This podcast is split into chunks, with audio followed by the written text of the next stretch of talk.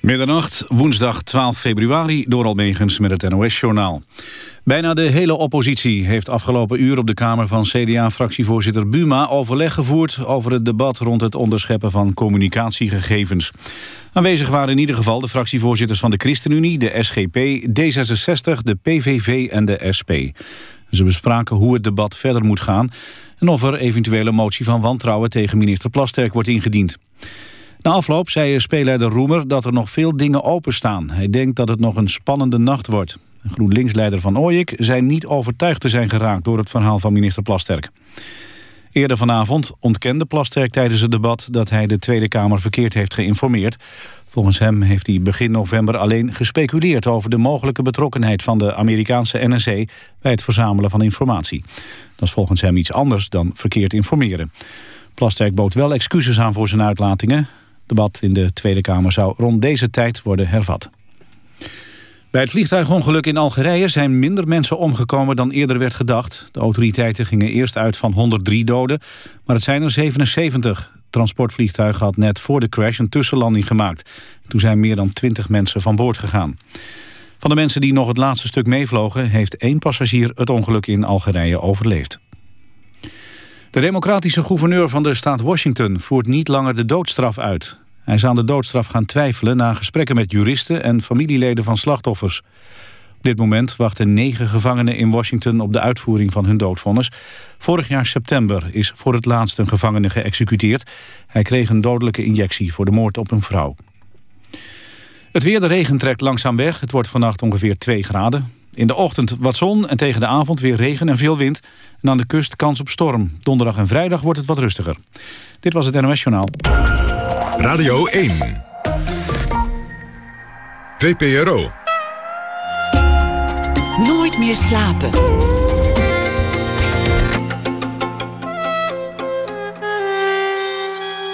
Met Pieter van der Wielen.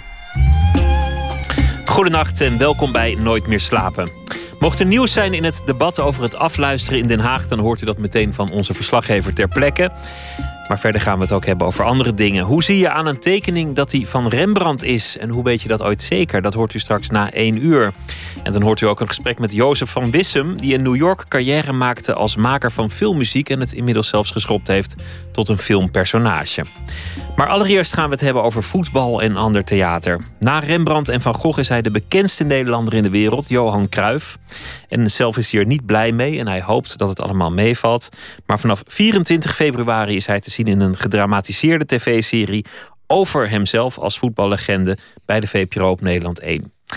Komend uur praat ik met acteur Reinoud Scholten van Aschat. Hij speelt de jonge Kruif in de serie. Scholten van Aschat is geboren in 1989. Won al een gouden kal voor zijn rol als Holleder in de film De Heineken-ontvoering. En binnenkort is hij ook te zien in de theaters met Shakespeare's De Storm. Hartelijk welkom. Dankjewel. Als je van 1989 bent, wat heb je dan eigenlijk meegekregen van de legende van, van Cruijff?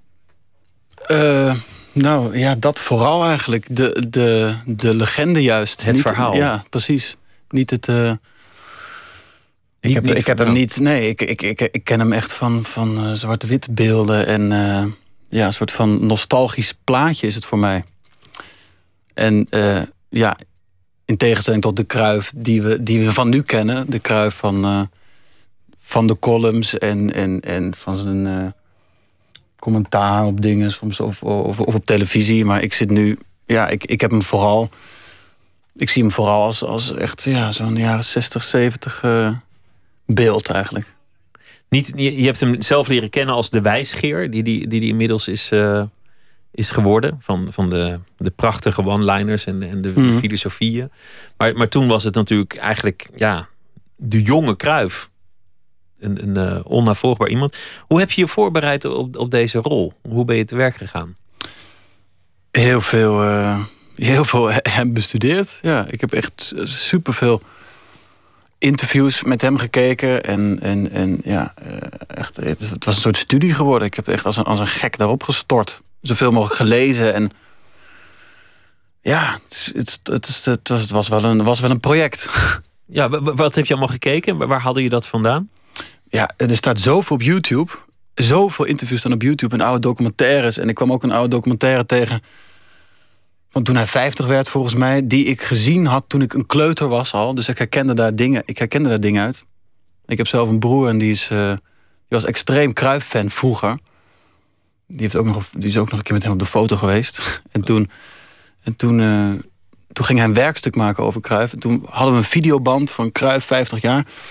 En, en daar, stonden, daar stonden ouderwetse 8 mm beelden op van hoe Cruijff aan het voetballen was met zijn broer.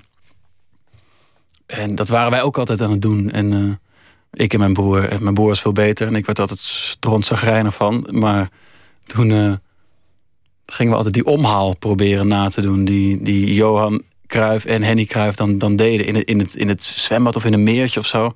Hele oude zwart-wit beelden. En, en toen was ik nu aan het, aan, het, aan het YouTuben. En toen kwam ik dat in één keer weer tegen. En toen dacht ik van shit, dat is nostalgie. dat, is, dat is een van de, van de vele verhalen over Kruif. Dat, dat hij die omhaal met zijn broertje in het zwembad zou hebben geoefend. En dan later bij een belangrijke wedstrijd. Ik ben ook weer niet zo'n voetbal-encyclopedie. Maar dan dankzij dat oefenen in het zwembad die omhaal ook echt kon maken. En, en een waanzinnig winnend doelpunt kon scoren. Dat, dat soort verhalen gaan over de, over de man natuurlijk. We, we hebben iets uh, leuks gevonden om maar meteen in de veelzijdigheid van de, de persoon van Cruijff uh, te duiken. Hij heeft ooit een, een carnavalshit gemaakt met, hm. met de titel Oei, oei, oei. Wat een loei. ja, Shit, helemaal goed. 1969. Oei, oei, oei, wat een loei.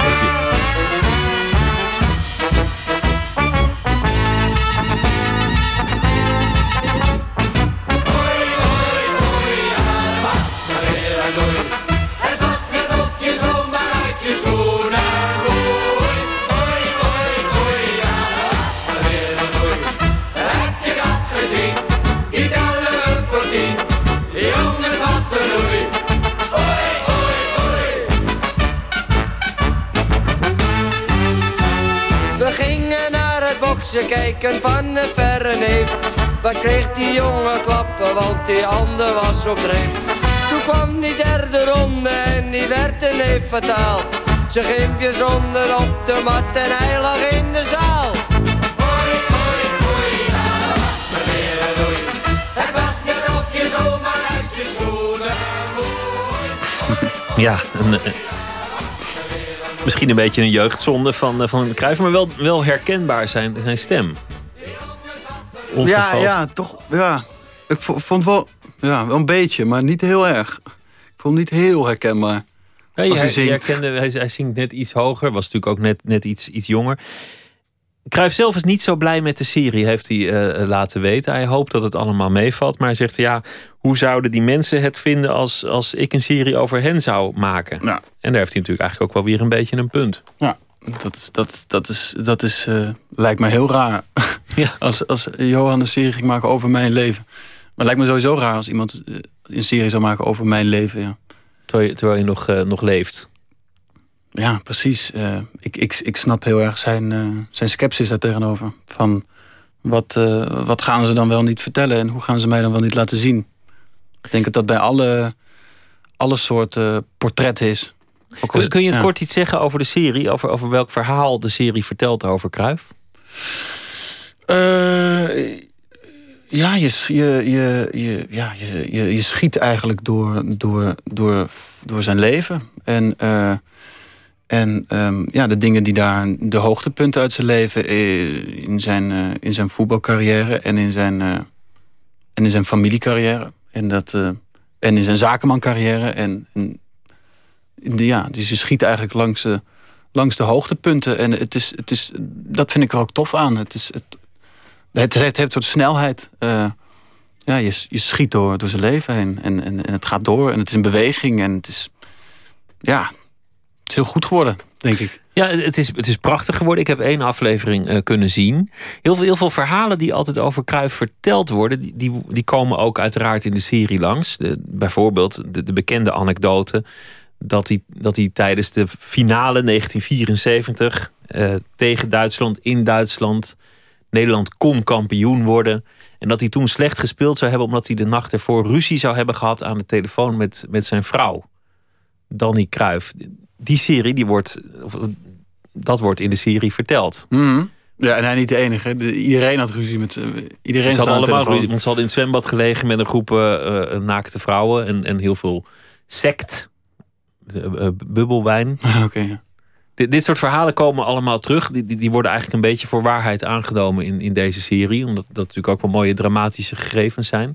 Ja, en het is een soort eeuwig ding nog steeds. Van, van wat, hoe konden ze die finale verliezen?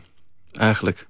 Uh, en, en, daar is niemand, uh, niemand is het daarmee eens dat ze die verloren hebben. Dus, dus ja, dat, die, die, die, die zwembadaffaire of dat die spelers niet in vorm zouden geweest. Ja, ik, ik, ik was er in ieder geval niet bij. Ik, heb geen idee, maar het, het is wel. Uh, het, het past heel erg bij het een mooi verhaal. Het past bij het mythisch karakter van die wedstrijd 1974 dat daar gezocht moet worden naar een grotere verklaring dan alleen slecht gespeeld of toeval of bal gemist of, uh, of penalty of wat dan ook. Er moet een soort groter plot zijn, want we konden niet verliezen, want we waren de beste. Dat, dat is eigenlijk wat erachter zit, volgens mij. Mm Ja, en dat is, dat is onderdeel van aflevering 2. Dat is dat hij net in Barcelona aankomt en dat hij. Uh, ja, of ik eigenlijk. Dat ik in Barcelona aankom. Ja, jij, dat... jij bent Kruif in de serie. Ja, of uh, ja. Hoe, doe, hoe doe je dat? Want Kruif is natuurlijk bij uitstek onnavolgbaar. Hmm. Hoe, hoe, imiteer je iemand of hoe acteer je iemand die eigenlijk in, in essentie onnavolgbaar is? Uh, ja, dat, dat, uh, dat, was, dat, was een, dat was wel een zoektocht. Ik heb wel hem um, heel veel interviews met hem gezien en hem uh, totaal kwijtgeraakt of niet begrepen of, of ja, inderdaad niet te volgen. En, en dat, dat was wel een een belangrijk ding of zo. Een thema, die, die, die, die, dat bewegelijke van hem in zijn, in, zijn, in zijn voetbalspel, maar ook in zijn gesprekken. Uh, hoe, hoe benader je dat? Uh, hoe, hoe, hoe, ga je dat? Hoe, hoe ga je dat anseneren? Of hoe ga je dat stileren? En, en, dat heb ik met de, met de regisseur bij de auditie al heel snel. Uh, dachten we van, we moeten, dit personage moet, ja, moet in beweging zijn, moet, moet, vrij, moet vrij zijn. Je moet denken van waar, waar gaat hij naartoe? En dat hebben we, dat hebben we geprobeerd door,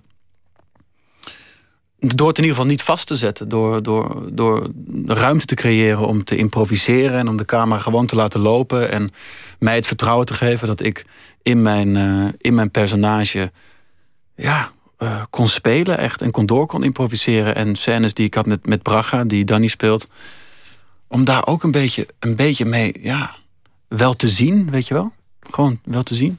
Eigenlijk Cruyffiaanse acteren. Want, want bij Cruyff is ook altijd, je, je denkt zowel bij voetbal als wanneer die gewoon een, een zin maakt of, of een antwoord geeft op een vraag, waar gaat dit naartoe? En uiteindelijk komt het langs een heel onverwachte hoek allemaal precies terecht en mooier dan je dacht dat het zou gebeuren. Ja, het is, dat is, uh, ja, wat is dat? Uh, hem de vrije loop laten. Ik denk dat als hij acteur was geweest, dat dat ook wel een. Uh, een ding was van de regisseur van, weet je wat, uh, ga maar. Zet die camera maar Zet aan. die camera maar aan, precies. Uh, en, en dat hebben we wel een beetje, beetje geprobeerd, ja. En dat was, ja, was bij, de, bij, de, bij de auditie al, was dat, uh, klikte dat heel goed. Het voetballen hebben jullie heel verstandig aangepakt door gewoon archiefbeeld te gebruiken. Want ook al heb je duizend takes, je kunt natuurlijk nooit een, een bal erin loeien zoals Kruif dat zou kunnen. We hebben een fragment uit de serie, uit, uit de tweede aflevering. Hij is aangekomen in Barcelona de verlosser werd hij daar. En uh, hij geeft een persconferentie in, eh, in meerdere talen tegelijk. Barcelona has a wonderful football team. Barcelona está en la antepenúltima posición de la selección de la liga. 12 puntos antes del Real Madrid. Wat zei Dat we ver achter Real staan. Yes, but the advantage of a low position is that you can easily climb up. ¿Pero por qué piensa usted que puede salvar al Barça? Un holandés tan flacucho. Waarom denkt u dat u uh, Barcelona kan redden? Een magere Hollander. Well, I'm uh, happy that I'm a football player, net een psycholoog. dit, dit is heel Cruyffiaans, hè? I'm, I'm happy I'm not a football player. Of, of that I'm a football player, not a psycholoog. Ja, punt. Het is gewoon klaar dan. Uh, game over. Het is, ja, dan hoef je niet meer... Hij heeft hem dan gewoon zo uh, charmant ingekopt eigenlijk. Dat je hem... Uh, dat hij daarmee ook meteen heeft gewonnen, als het ware. Heb je lang moeten oefenen op het, op het accent en, en, en de maniertjes van, van Cruijff? Um, ja, nou, ik had. Die zijn zo aanwezig. hoe, hij, hoe hij spreekt, hoe hij doet. Um, dat ik heb hem eerst heel erg uh, geobserveerd en, en, en geprobeerd dat, dat, ja, dat een beetje ja, in, dat, in dat Amsterdams te komen.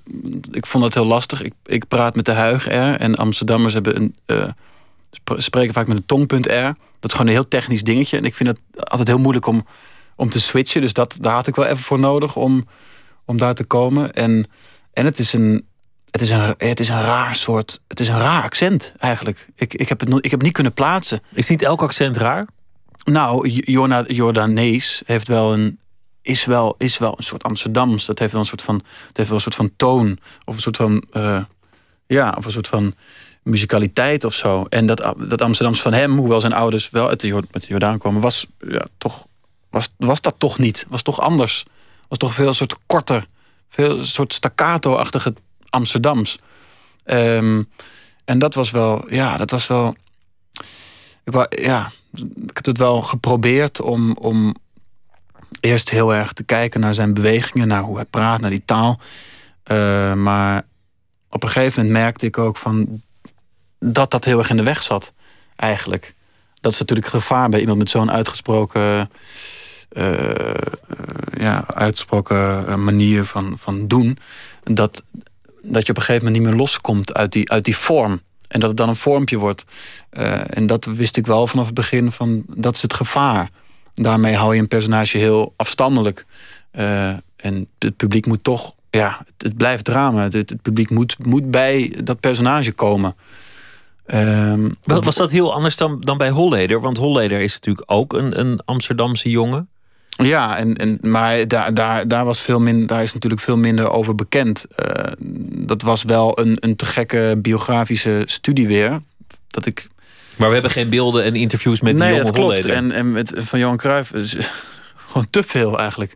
Dus, dus dat was... Uh... Dat zet je dan ook in de weg, omdat mensen weten hoe het Ja, op een gegeven moment, op een gegeven moment uh, ga je... Ja, als, als ik dan aan een scène ging denken, dan ging ik denken aan hoe hij zag ik een plaatje voor me wat ik dan ja, na moest doen. En dat wou ik, dat wou ik niet. Ik wou niet, ik wou niet hem, hem nadoen. Ja, ik kreeg. Ik, ik, ik heb natuurlijk dan mijn haar is anders, jaren zeventig kleren, uh, vette auto's. Dus dat, dat is allemaal te gek. Maar ik wou wel. Ik wou wel ja, een, een soort personage creëren samen met de regisseur, met de, met de andere spelers. Uh, Denk je dan ook het, het niet alleen, ja, het is het niet alleen uh, imiteren, maar, maar echt, uh, echt een, een kruif creëren. Dat is nog best moeilijk, omdat er zoveel over de man gezegd is en gezegd wordt. En zoveel debat is natuurlijk over Kruif. En dat hij eigenlijk zich nooit heeft laten vangen door wie dan ook. Hij is nooit helemaal begrepen of helemaal ja. uh, gevat. Hoe heb jij hem gezien? Als, als de vrijgevochten Amsterdammer, als de vertegenwoordiger van een tijdgeest, als een egoïst? Hm. Hoe, hoe, hoe, zag ja, jij ja, dat zijn, ja, dat zijn allemaal. Dat zijn allemaal dat zijn allemaal oordelen, weet je. Is hij een egoïst? Uh, ja, dat, dat, daar, daar, daar heb ik me in ieder geval niet daar ben je niet, uh, niet Nee, ik, ik, had, ik had helemaal niet de behoefte om, om, om, om een oordeel op hem te plakken. Ik heb hem gewoon eh, bestudeerd als, als, uh, als mens, echt, weet je. En, en niet, ja, en, en ge, me geprobeerd uh, in te leven in zo'n, in zo'n, in die absurde situaties van, van je komt in, in, in Barcelona terecht, waar voetbal veel politieker is. en, en, en allemaal van dat soort van dat soort dingen. Uh, dat was best wel. Ik bedoel, zijn hele karakter was één ding, maar het, het, het, het hele. überhaupt iemand spelen van 17 tot, ja, tot, uh, tot, tot, tot 37 of zo. Ik, ik, ik, dat moest ik doen. Ik moest met kinderen spelen, al dat soort dingen. Dat heb ik nog nooit gedaan. Ik moest opeens een vader gaan spelen. Dat zijn en dat allemaal door elkaar, weet je. Dus in de ochtend ben je uh, eh, 30 en dan om twee uur s middags ben je even 17 en dan om, om vijf uur s avonds ben je even 28. En dan de hele tijd die schakels. Ja, het was best wel. Het was best wel ja, focussen de hele tijd en, en een soort van los überhaupt van dat personage Johan. Uh, gewoon. Wat moeilijk is, is die ontwikkeling. Zit, er eigenlijk een ontwikkeling dan ook in zijn, zijn carrière? Of in zijn persoon? Is, is de, de Johan Cruijff van, van 17 wezenlijk anders dan, dan die van 30? Ja, ik, ik, ik, ik denk dat uh, sowieso als je, als, je, als je ouder wordt, dat je ja, misschien wat rustiger wordt of zo. En dat zie je helemaal bij zo'n figuur als. Uh, ja, als Kruif. Als Kruif. Toch een beetje. Ja, die, die kan nogal uh, soms een beetje ADHD-erig overkomen. Of alle kanten op schieten. En, en, en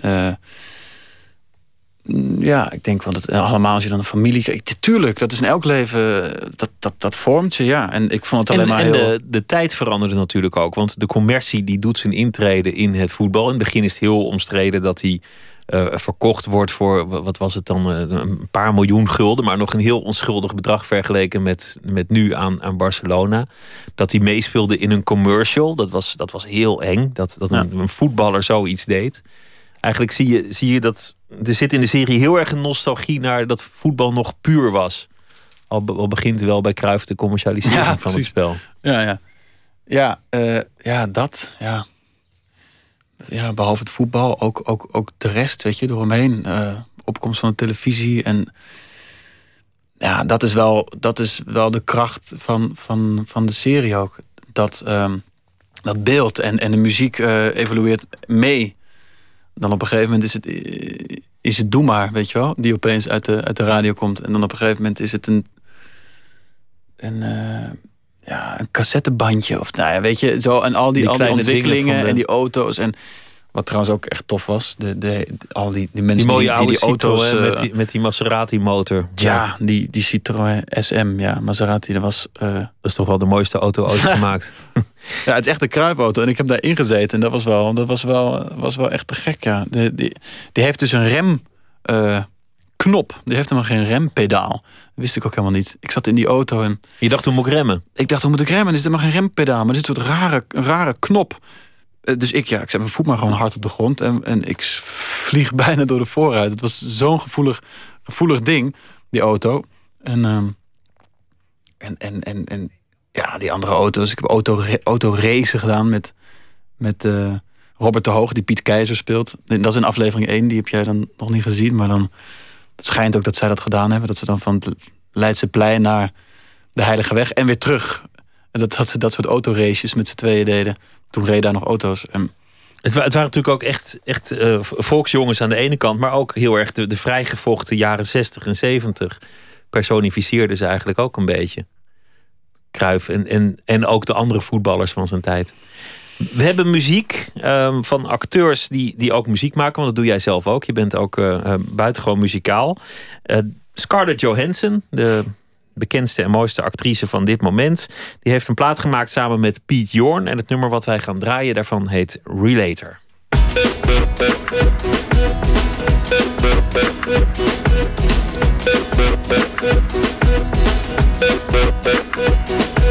When I met you, I didn't know what to do. I was tired, I was hungry, I fight. Now I'm away. I ride home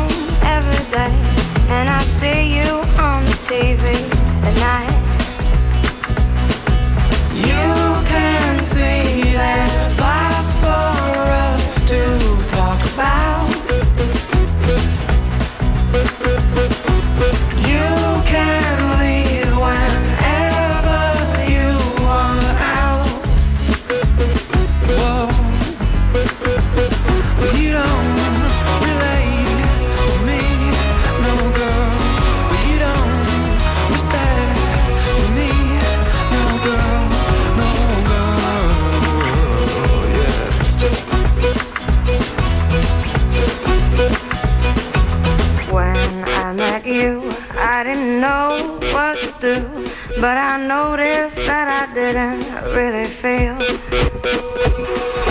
Now you're away, you ride home every day. I don't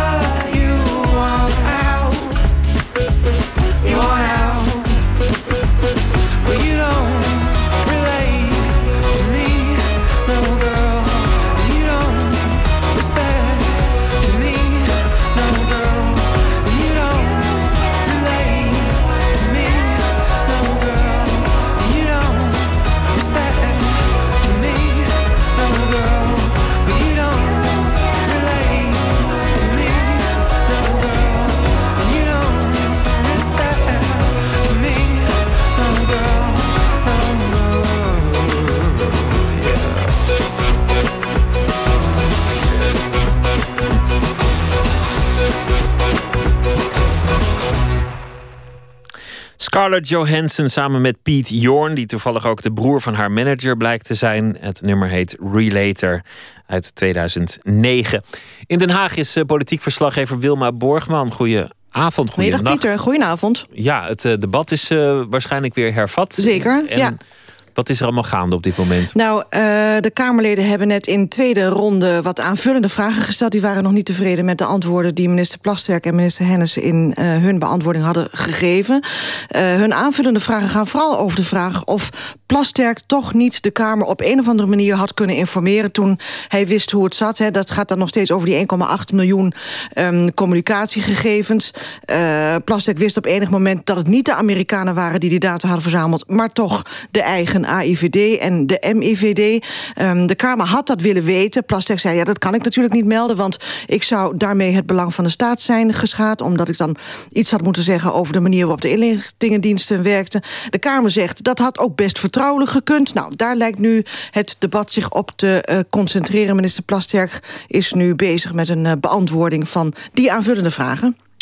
Nou zijn er eigenlijk een, een, aantal dingen aan de hand. De allereerste vraag, wat heeft hij nou aan de Kamer gezegd en wat heeft hij in de media gezegd? Er zit natuurlijk ook een soort gevoeligheidsverschil in. Hè? Of je de Kamer verkeerd voorligt of, of dat je Pauw en Witteman verkeerd voor ligt? Ja, de Kamer zegt de basis van uh, de relatie tussen minister en parlement is die vertrouwensregel. De Kamer moet ervan uit kunnen gaan dat de minister de waarheid spreekt. En zeker als het gaat over die inlichtingendiensten, waar Kamer toch uh, niet heel veel mogelijkheden heeft om te controleren, uh, moeten zij ervan uit kunnen gaan dat de minister de Kamer goed informeert. Nou, dat, dat schuurt hier toch een beetje, hoewel Plasterk zegt: ik heb de Kamer wel degelijk goed geïnformeerd. Want uh, ik heb vanaf het moment dat ik daarover in de Kamer sprak gezegd... ik weet het niet zeker, dit is een plausibele verklaring... van die 1,8 eh, miljoen gegevens. Namelijk dat de NSA daarmee bezig uh, was. Want je moet niet vergeten, hij hamerde daar vanavond in het debat ook steeds op... dat was in een tijd dat de kranten dag na dag vol stonden... met uh, gruwelverhalen over Amerikanen die tout le monde afluisteren... die de paus en Angela Merkel en, en wie nog meer allemaal afluisteren. Ja, en dat, daar was een logische verklaring voor die uh, data dat de Amerikanen ook Nederlanders hadden verzameld. Uh, Nederlandse informatie had verzameld. Hij heeft al vrij vroeg een, soort van excuses aangeboden. Ik zou ruiterlijk. Nou. excuses uh, aanbieden. Ja, dan is eigenlijk de vraag wat zo'n debat verder nog kan opleveren. Want excuses maken kan ook een manier zijn om, om de druk van de ketel te halen. Ja. Maar ja, die, heb, die kaart dat was heb je ook al, nodig die kaart is al gespeeld. Dus Ja. hoe nu verder? Nou ja, hij moet iets doen met die informatiebehoeften van de Tweede Kamer. Dat, daar blijft het toch uh, uh, op vastzitten. Uh, want de Kamer wil beter worden geïnformeerd. Want uh, Plastic en Hennis beroepen zich nu op het landsbelang. Daarom konden zij niet de Kamer informeren... dat het toch niet de Amerikanen waren, maar de Nederlandse diensten... toen zij wel op de hoogte waren van de juiste toedracht. Um, vorige week kwam er ineens dat briefje, dat weet je misschien nog... waarin ze wel zeiden hoe het zat. Um, de redenering is dat er een rechtszaak in aantocht is... waar toch die informatie al op straat was komen te liggen. Dus dan hadden ze het ook maar beter even kort... in eigen beheer aan de Kamer kunnen melden. Um, nou, dat vindt de Kamer een wel heel armoedige verklaring. Dus uh, er zal iets moeten worden afgesproken... wil de Kamer over een manier om uh, in het vervolg... de Kamer al dan niet vertrouwelijk uh, te informeren over dit soort zaken. Klinkt alsof ze nog wel even bezig zijn. Ik denk het ook, Pieter, want dit is een tweede termijn. Plastic is er nu bezig met zijn beantwoording.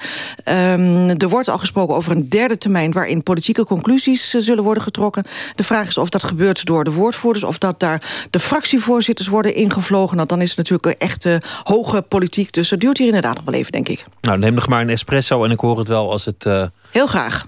Als het verder gaat, dank je wel. Tot later. Wilma Borgman. Nooit meer slapen. In gesprek met Reinoud Scholten van Aschat, Johan Cruijff in de nieuwe serie die vanaf uh, 24 februari te zien is op Nederland 1. jij, jij hebt ook een tijd in, in Nieuwsport gebivakkeerd voor een, voor een theaterstuk om, om het daar te observeren, om, om het machtsspel vanuit een, ja, een theatrale blik te bekijken. Hoe, hoe ging dat in zijn werk eigenlijk?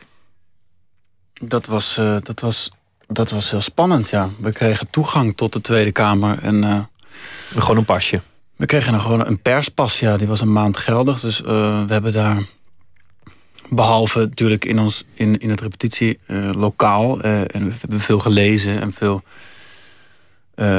ja, een soort van ingang geprobeerd te zoeken om daar, om daar iets ja, in een theatraal verslag van te doen. En, en dan ja, het binnenhof ja, betreden en daar rondlopen en kijken hoe dat daar gaat. En wat het voor mensen zijn en wat het voor een spel is. En, en...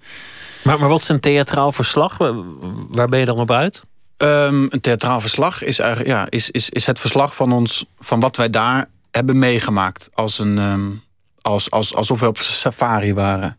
In, ja, in, in, in, in de kern, zeg maar.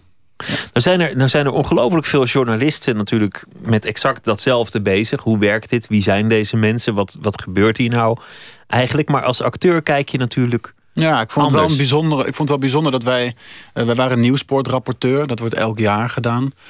Uh, vanuit Nieuwsport wordt dat georganiseerd. Ja, in, in, in, in naam van transparantie en zo... Uh, wordt er iemand nieuwsportrapporteur... die daar een maand rondloopt... en, en daar dan uiteindelijk een verslag van maakt. Normaal, ja, dus een, een boekje schrijft of een...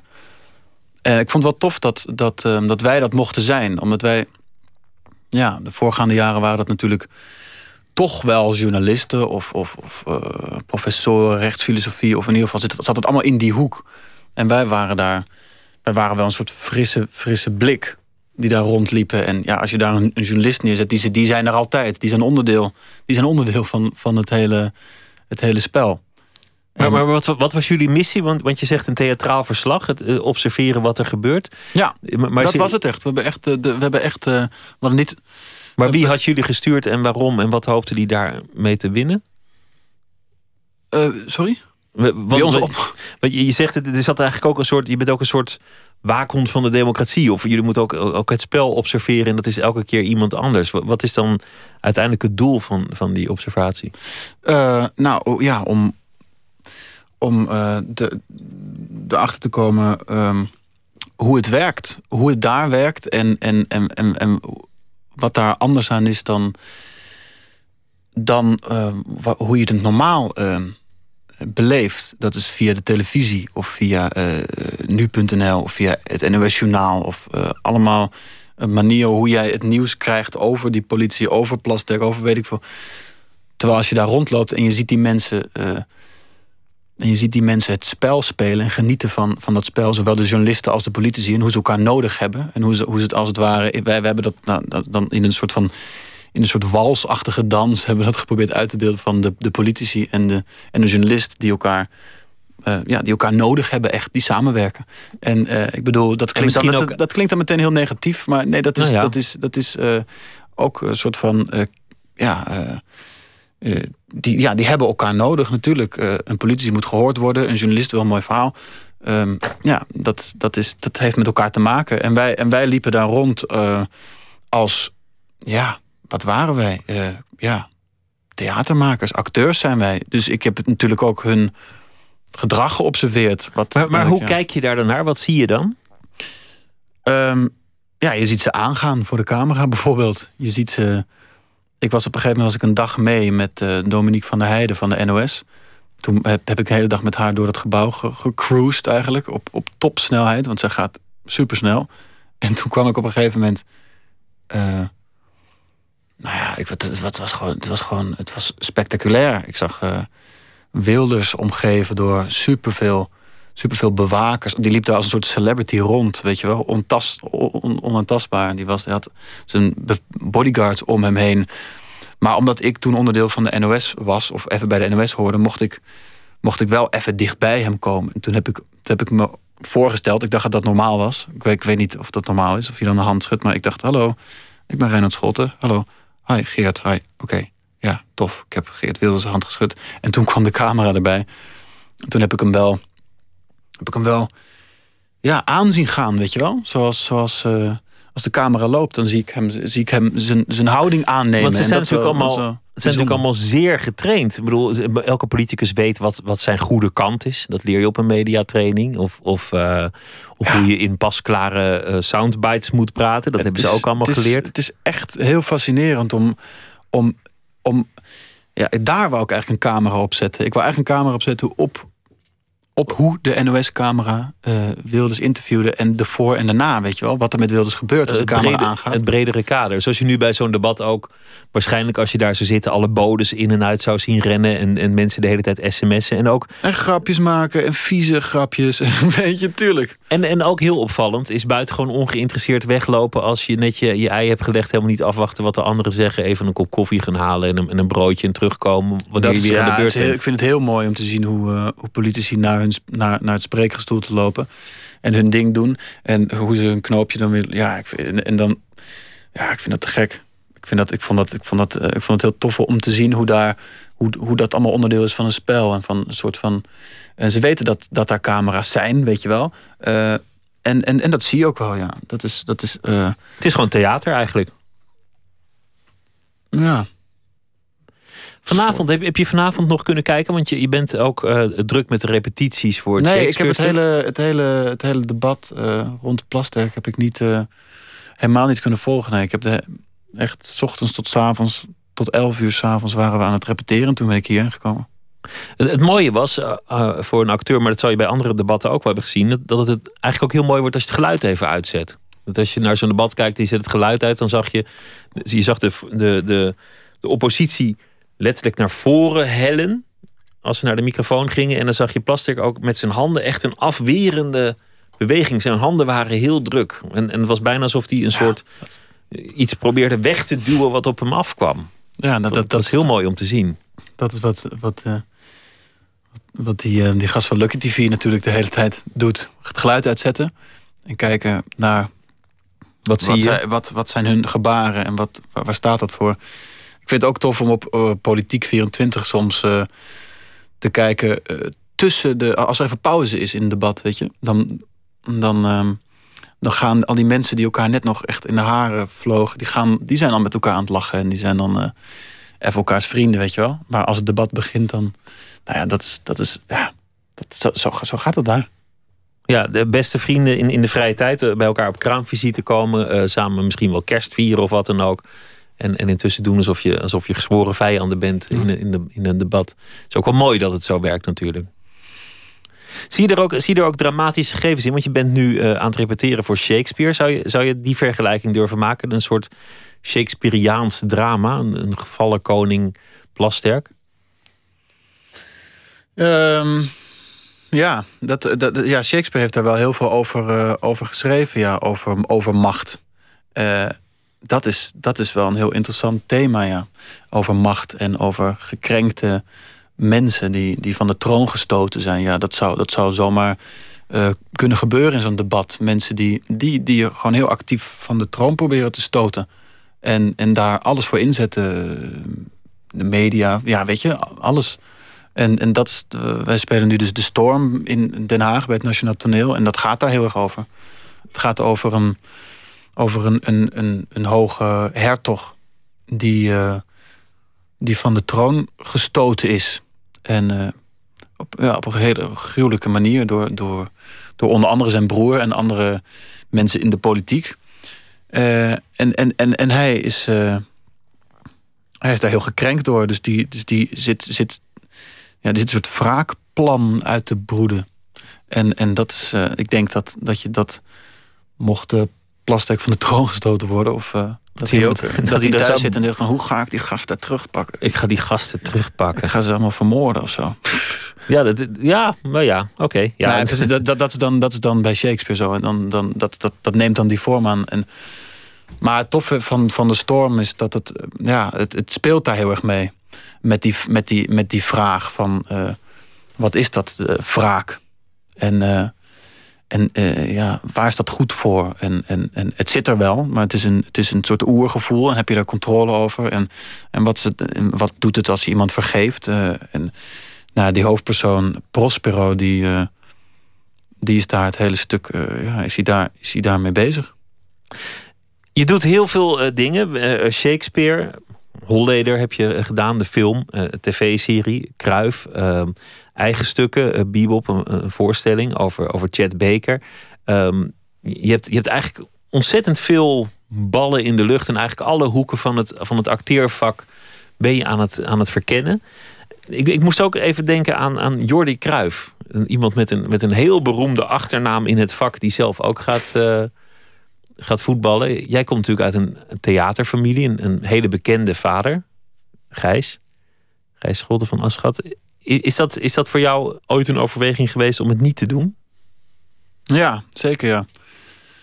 Dat is wel een. Um, dat, dat, dat is het wel geweest. Uh, maar door, ja, door je daar ja, heel erg tegen te gaan verzetten. Uh, ja, is, is dat ook allemaal weer uh, eigenlijk een bewijs dat je, daar, dat je daar eigenlijk veel te veel mee bezig bent. Met je, je, ja, met je, met je reputatie of zo. Met je achternaam.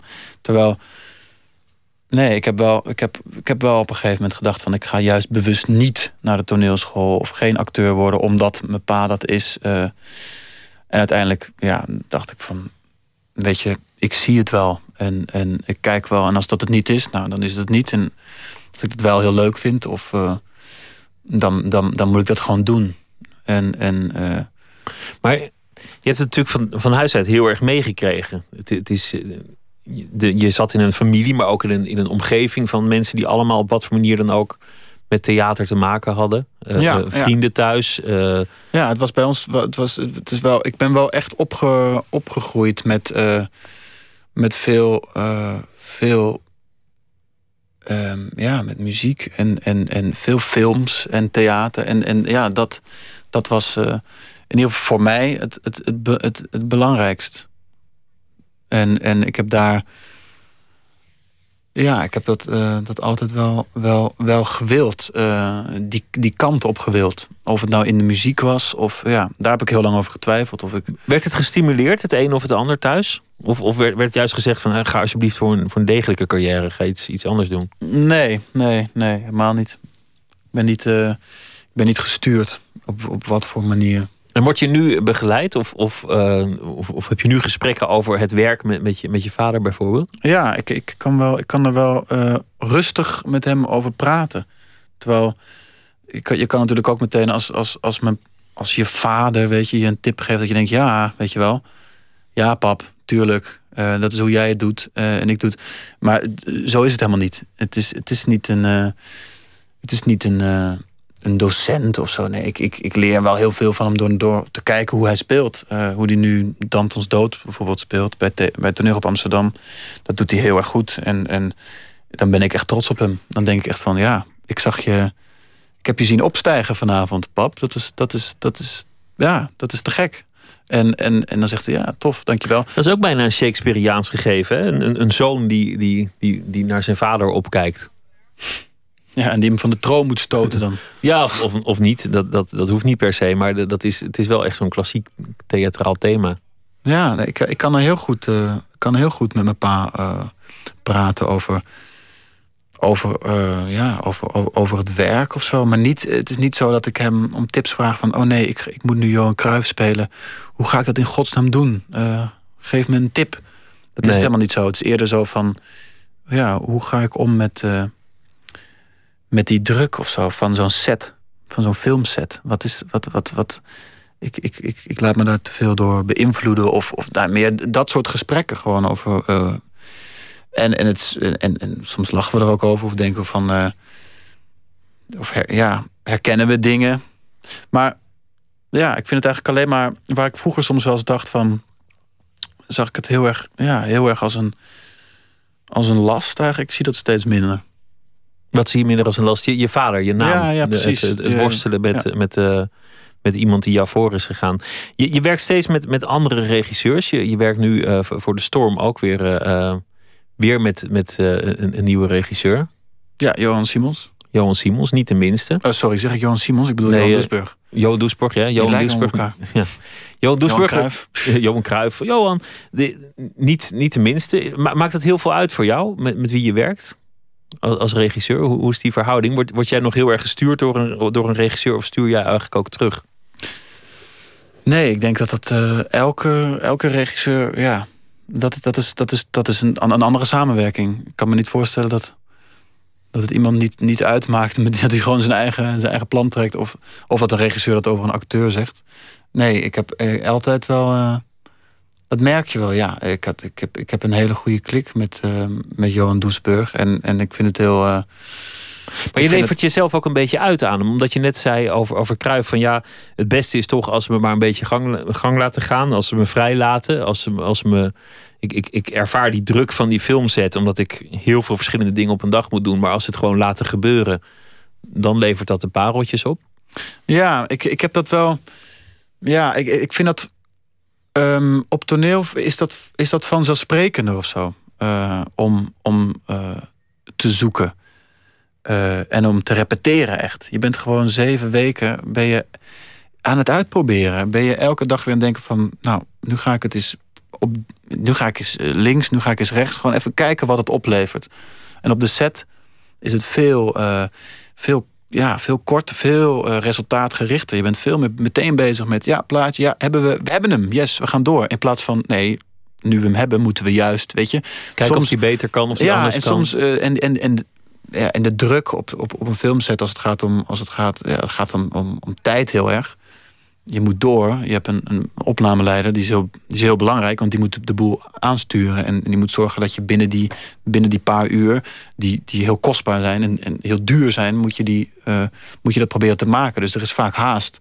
Uh, en dan kan je moeilijk, vind ik het in ieder geval nu, nu nog, uh, moeilijk om te zeggen van, mag ik, mag ik hem misschien nog een keer doen? Of mag ik hem misschien anders doen?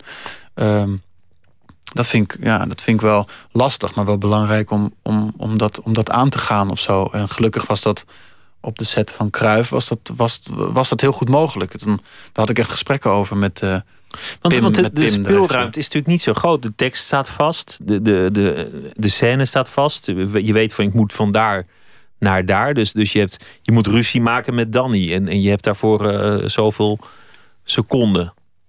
Dat, dat, bedoel, de speelruimte is ook weer niet zo, zo enorm groot. Ja, dus, dus ik kan me ook wel de verleiding voorstellen voor, voor een regisseur om te zeggen: Nou ja, we hebben hem. Ja, ja dat, is, dat, is, uh, dat is altijd, ja, altijd ja, moeilijk. Ja, we hebben hem. Wat hebben we dan, weet je? Ja.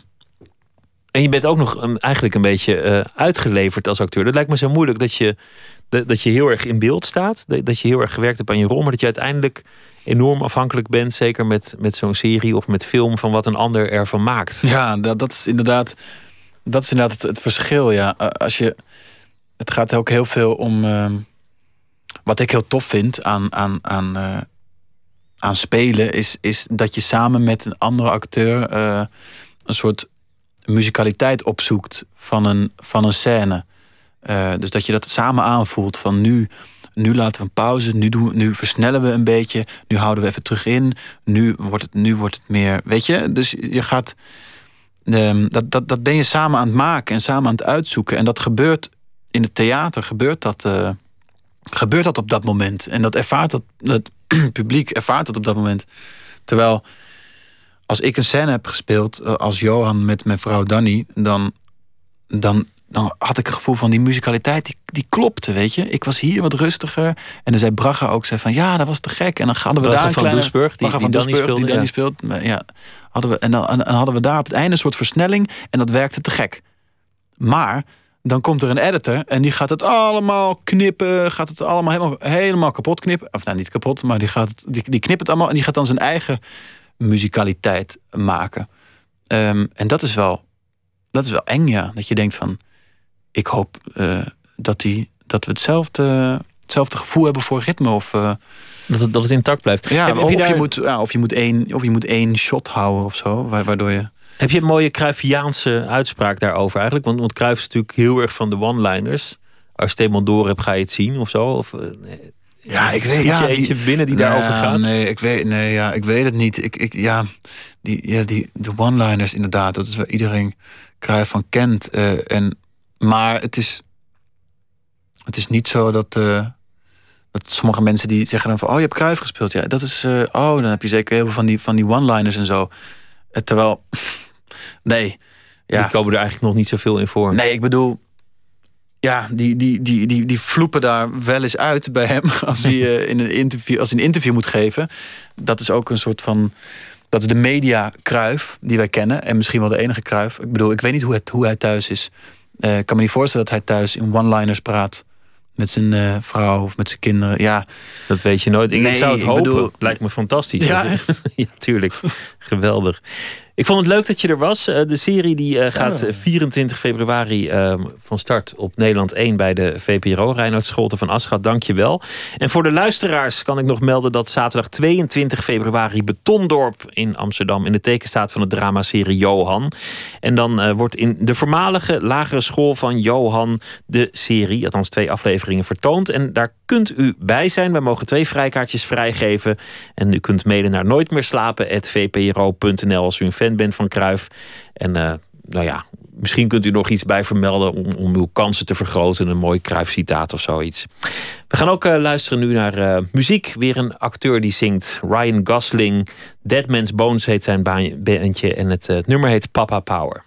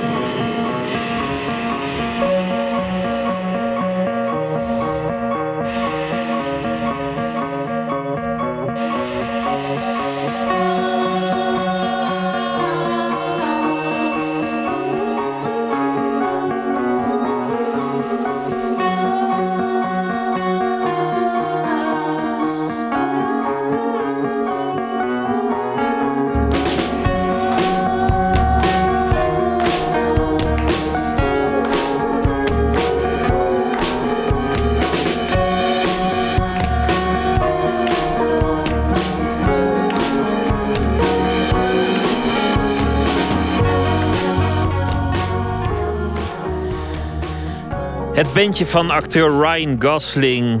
Papa Power heet het nummer en de band heet Dead Man's Bones. Het gaat de hele week natuurlijk ook over Rusland vanwege de sport. Maar uh, wat is er eigenlijk aan cultuur in het hedendaagse Rusland te beleven?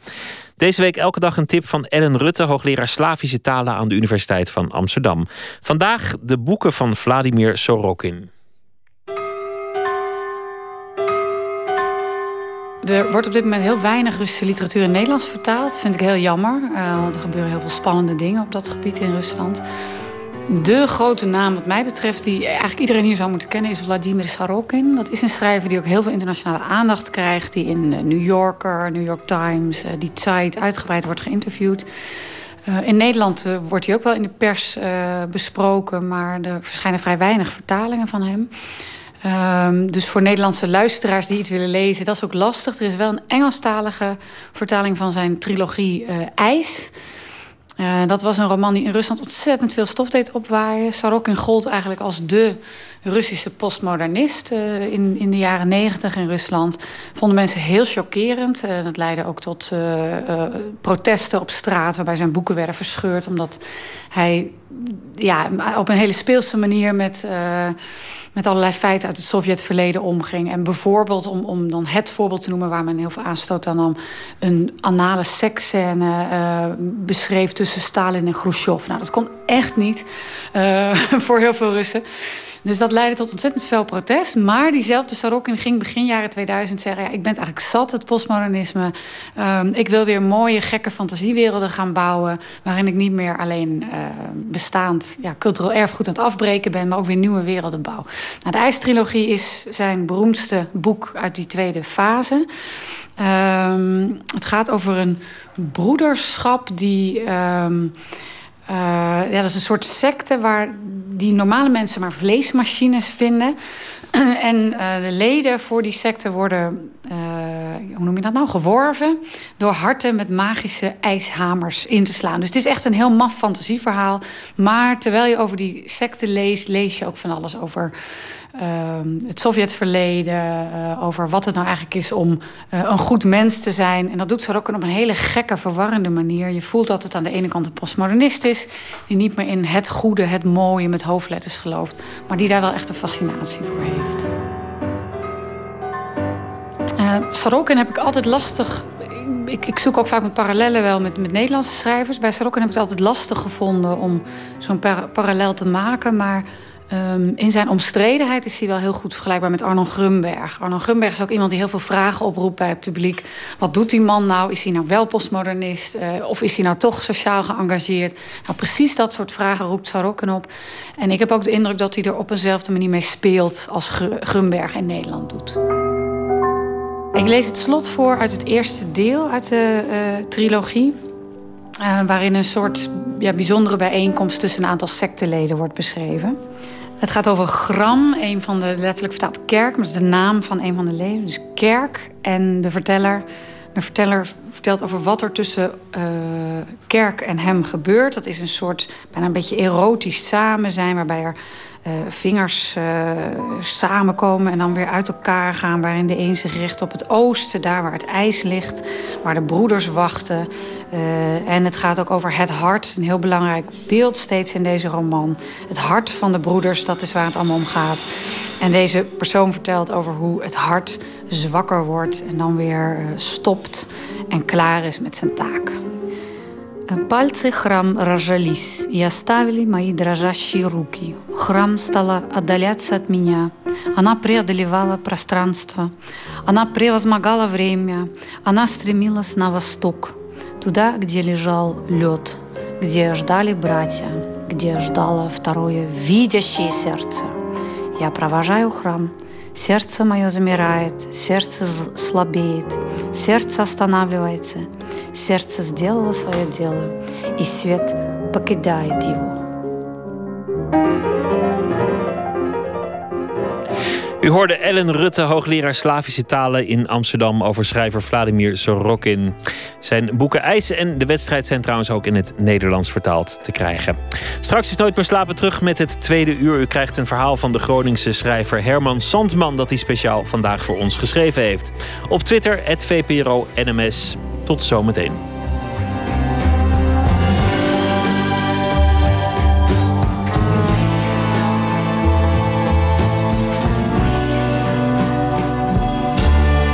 Radio 1, het nieuws van alle kanten.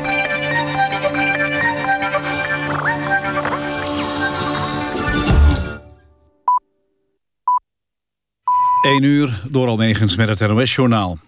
De Tweede Kamerleden hebben nog steeds veel vragen voor minister Plasterk. Zo blijkt tijdens het debat over de communicatiegegevens. Het debat is kort na middernacht hervat. SP'er Van Raak vraagt zich af of Plasterk de juiste minister op de juiste plaats is. En ook Kamerlid Schouw van D66 had nog vragen. Hij noemt het niet informeren door Plasterk een zwaar punt. De minister antwoordde direct en zei dat hij niet opnieuw zal gaan speculeren. Ook zei hij dat hij samen met minister Hennis een integere afweging heeft gemaakt... over het openbaar maken van informatie en het volledig informeren van de Kamer. Tijdens een schorsing aan het eind van de avond overlegde de oppositie over een eventuele motie van wantrouwen. De kabinetsplannen om gemeenten vanaf volgend jaar verantwoordelijk te maken voor de jeugdzorg...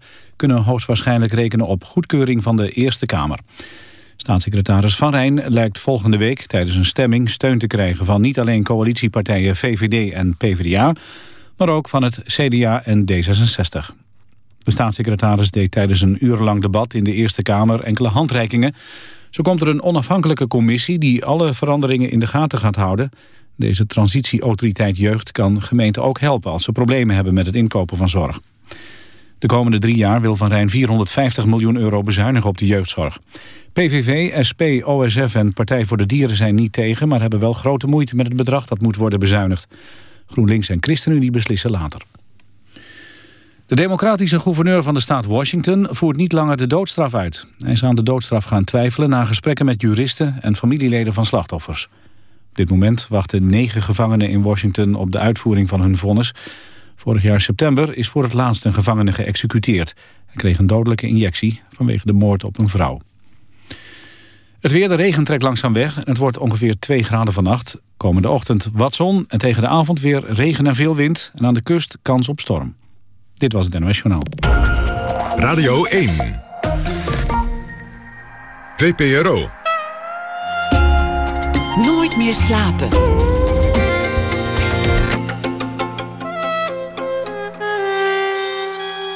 Met Pieter van der Wielen. Welkom terug bij Nooit meer slapen. Als er nog iets gebeurt in Den Haag, dan hoort u dat meteen tijdens uh, deze uitzending. En verder gaan we het hebben over Rembrandt. De grote vraag: is het wel of geen Rembrandt die tekening? Hoe je daarachter komt en hoe professionals dat doen, dat hoort u zo meteen. Tips om de nacht door te komen krijgt u van tekenaar en animator Robbie Cornelissen. En uh, u krijgt ook een verhaal zo meteen, althans laat het maar meteen doen, van de Groningse schrijver Herman Sandman. Die schrijft elke dag deze week speciaal voor ons een verhaal op basis van iets dat die dag gebeurd is. Zijn meest recente boek is Appie Alberts, Dokter in de Rock'n'Roll. Goedenacht, uh, Herman Sandman. Hallo. Wat heeft jou vandaag bezig gehouden? Um, ja, er is heel veel te doen in uh, Nederland. Was, uh, een aantal items was in het nieuws. Dus uh, naar minister Borst, of Els Borst natuurlijk. En ik, ik werd ook getriggerd door het feit dat Albert Heijn... die gaat meehelpen met huiswerk maken. Althans, doet een huiswerkbegeleiding. En Polaris is natuurlijk groot nieuws en Olympische Spelen. Maar ik, ik werd... Um, ik zat vanochtend in de auto en dan hoorde ik het, nieuws op Radio 1... en het was eigenlijk één regel of, die mij intrigeerde. En dat was de regel van verkeersinformatie. En dan lees je altijd op de Noord, dan uh, was, uh, was iets van 162 kilometer file. En voor, op, volgens mij op de A2 richting Amsterdam iets van 3 kilometer. En dan de A10 richting Slotervaart. En vanwege een ongeval. En ik heb dat wel vaker. Dan zit ik in de auto en denk ik, goh, wat, wat gebeurt er bij dat ongeval? Want voor ons is het één regel in die verkeersinformatie. En maar voor die mensen die dat ongeval beleven, dat is dan een... Ja, die dag begint dan iets anders als dat ze, als dat ze hadden verwacht. Ja, dat is inderdaad zo. Dat is natuurlijk met heel veel nieuws. Hè? Dat het één, één regeltje is voor de nieuwsconsument. En misschien wel een, een levensveranderend uh, gebeuren voor, voor degene die het zelf aangaat. Ja, het kan zijn dat je in het ziekenhuis belandt, maar het, ja, het kan ook wat hè, alleen blikschade zijn. Dus ik stel me altijd zo voor, ik verplaats me dan in gedachten naar die plek en denk, ja, hoe, wat voor auto is het? En, en uh, is het een gezin of is het iemand die gewoon naar zijn werk gaat? En, en ja, is, is dat dan een ramp als, als de auto in de prak ligt? Of, of ja, ik, ik, ga, ik sla dan aan het fantaseren, eigenlijk. Dat is voor een schrijver altijd goed om aan het fantaseren te slaan. Dus wat heeft het opgeleverd? Wil je het al voorlezen? Ja, ik zal het gaan voorlezen. Het heet uh, Alledaags Ongeluk. Het duurde even voordat hij duidelijk kon maken dat hem niks mankeerde. Zijn stem trilde, de woorden kwamen moeilijk en de stevige wind leidde af. Nee, ik heb niks. Alleen wat blikschade. Nou ja, een beetje veel blikschade. Ze vroeg hoeveel. Hij keek naar de auto. De linkerkant van de Renault zat in elkaar. Twee lekke banden, een grill en spoiler aan de voorkant zaten los. Zat je te bellen of zo? Nee, maar hij kon ook niet goed uitleggen wat er wel was misgegaan. Bij het invoegen was de andere wagen ineens achter hem opgedoken. Gegieren van remmen, een paar doffe klappen en nu stonden ze met vier auto's in de berm. Een paar agenten waren bezig de bestuurders te ondervragen. Anderen brachten het verkeer weer op gang. Zes kilometer file. Hij was nu een regel verkeersinformatie. Maar hoeveel is een beetje veel? Ah, totaal los ben ik bang. Ah nee. Haar reactie was begrijpelijk. De auto had net een beurt gehad en twee nieuwe schokbrekers achter. Daarmee bleef een beetje spageld over. Te weinig voor een andere auto. Ze hadden een probleem. Maar ik ga hangen. Ik moet Henk zeggen dat ik later ben. Als ik al kom. Dit gaat even duren. Ik zie wel hoe de dag loopt. Ze vroeg waar hij stond. Op de A10 richting Slotervaart. Hij aarzelde. Het was even stil aan de andere kant van de lijn. En toen vroeg ze... Maar die kant moet je toch helemaal niet uit naar je werk? Ja, dat is, dat is, daar, komt het echt, daar komt het echte drama. daar, daar, komt, uh, daar, daar komt ze erachter wat, wat, uh, wat hem bewoog die dag. Ja, dat, uh, ja het meest voor de hand liggen is natuurlijk dat ik naar een andere vrouw gaat. Maar ja, weet ik niet. Is dat voor de andere? Dat weet je niet. Dat hangt een beetje van, ja. Ja, ik... ja, het kan alle kanten op dus. Maar ja, het kan ook iets anders zijn dat hij naar een klant moest of ja, je kent elkaar schema misschien ook niet altijd. Wat ik met de verkeersinformatie wel wonderlijk vind... is dat ze steeds vaker zeggen de gebruikelijke files. Dat vind, ik, dat vind ik iets wonderlijks. Want dat, straks zou de nieuwslezer zeggen... en het gebruikelijke nieuws. En dan zeggen ze bij het weerbericht het gebruikelijke weer. Ja, zo, zo kunnen we natuurlijk die zender op een gegeven moment wel opdoeken. Ja, want vanochtend was er iets van 162 kilometer file. En, en ik weet niet of dat veel is, maar ja, als ik naar het werk rijd... we hebben bijna nooit file hier in Groningen, alleen uh, rijden voor de stoplichten. Maar ja, het wordt dan inderdaad wat je zegt, het wordt dan normaal gevonden. Uh, in, de, in de gebruikelijke files, ja. Nou ja, maar het is, wat je eerder zei is wel waar. Het, is, het, het kan voor iemand, ik bedoel, blikschade is één of, of, uh, of, of, een, of een kneuzing is twee. Maar het, het kan gewoon het einde van iemands leven zijn. En dat gebeurt natuurlijk steeds minder gelukkig. Maar het gebeurt gewoon toch wekelijks een paar keer dat er iemand, ja, dat het einde leven is, nabestaande, dat soort dingen. En dat is ook maar een kleine melding op het nieuws. Ja, je, je gaat de deur uit en, en dan uh, kom je niet meer terug. Of, of een uur later dan. Uh, ja, ben je er niet meer. Dat is natuurlijk wel vrij... Uh, ja, het, het leven zit zo in elkaar. We houden daar eigenlijk te weinig rekening mee. Van, van we gaan ervan uit van dat we, als we s ochtends de deur uit gaan... dat we s'avonds terugkomen. Maar daar is natuurlijk nergens... Er is natuurlijk geen enkele garantie op. Ja, maar het is alsof je permanent langs een afgrond loopt. Alleen je ziet hem niet. Nee, we, schermen, we, doen, we sluiten onze ogen een beetje, denk ik, voor die, uh, voor die afgronden. Dat je je leven... Ja, die, die, in, in allerlei ritmes en, en uh, systemen en, en veiligheden en, en achter deuren en, en muren. Maar ja, je, ik kan de deur uitstappen nu en ik kan uh, een andere gevaarlijke gek rondlopen of, of iemand die te hard rijdt. Maar een gevaarlijke gek is een slachtoffer wat, uh, die komen er niet zoveel voor. Ze zijn er wel, maar...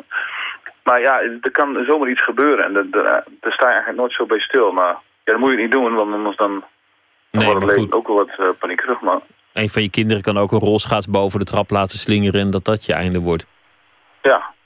Hè? Ja. Wat, uh, wat uh, morgen... Ja, morgen ga je vers opnieuw beginnen. heb je al enig idee wat je morgen gaat doen? Wat, wat eventueel um, iets nou kan ja, opleveren? Plaster is nu natuurlijk ook heel spannend nu... maar ja, daar hebben we het gisteren al over gehad. Hey, ik denk dat het zou zomaar eens kunnen dat het over het gas gaat.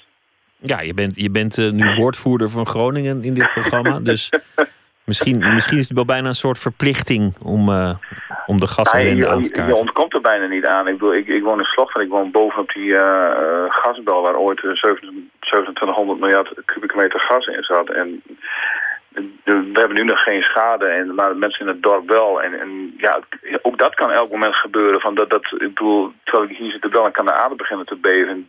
Dus ja, dat blijft gewoon leven. Lijkt me ook een mooi thema voor een verhaal. Dat dan morgen. Herman Sandman, hartelijk dank. Je, je moet het een keer over gas doen. Ja, Graag tot morgen. ik noem nog even de titel van je laatste boek. Appie Alberts, Dokter in de Rock'n'Roll.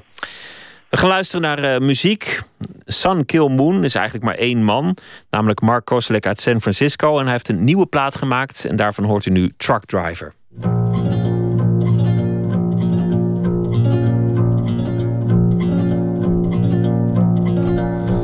My uncle died in a fire on his birthday. Redneck that he was.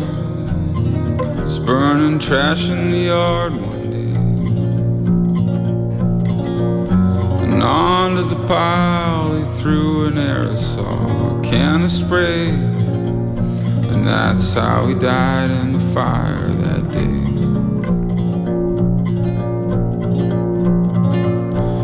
Before he retired, he was a truck driver. He'd be gone through the winter and all through the summers. In the winters, us kids would order dominoes and watch happy days. And in the summer, we'd gig frogs at the pond and fry up their legs. My aunt still lives there out in Ohio. I visit her in the altar. She makes me smile. We remember the story of when I was young, getting stung by a hornet. She caressed my foot, rubbed baking powder on it. Was probably five at their home in Navarre. My cousin's friend was in the yard playing guitar. We all gathered round, listened to her play and sing. And I fell into a trance and knew that one day I'd do the same My uncle died in a fire on his birthday. out by the barn in his old collection of cars. Third degree burns a charred up shovel near his hand. My uncle died a respected man. I flew out there. I went to his funeral It was storming that day. The sky was deep purple, babies were crying Kentucky fried. Chicken was served, and that's how you would have wanted it, I'm sure. And after the funeral out there in Navarre. They all gathered round when I picked up a guitar.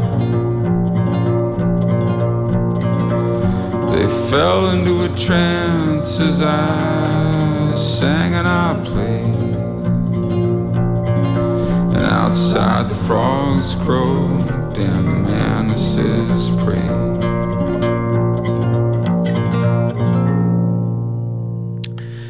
Sun Kill Moon En het nummer heette Truck Driver.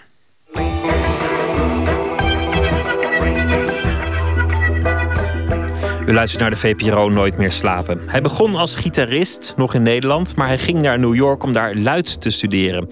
Componist en luidist Jozef van Wissem maakte vorig jaar de muziek van de film Only Lovers Left Alive en won daar een prijs mee op het filmfestival in Cannes. Tom Hiddleston, de acteur die de rol van Adam speelt, zegt dat hij zijn personage voor een deel heeft geïnspireerd op Jozef van Wissem zelf. Hij is heel even in uh, Nederland van Wissem en hij trad afgelopen week aan de op in Den Haag. En onze verslaggever Botte Jellema was daarbij en ontmoette Jozef van Wissem na afloop.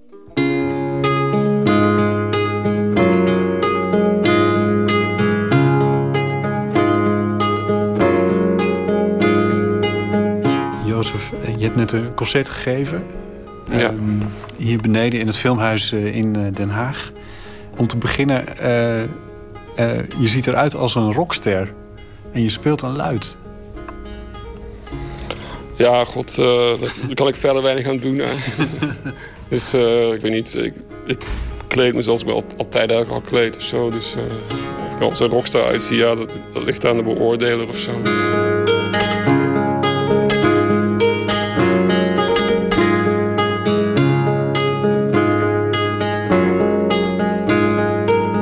Kom ook wel van van punkmuziek en new wave en zo. En dat heb ik ook eerst uh, gespeeld in Nederland in Desert Corbusier en ook een punkband ook die heette Moordsebiet.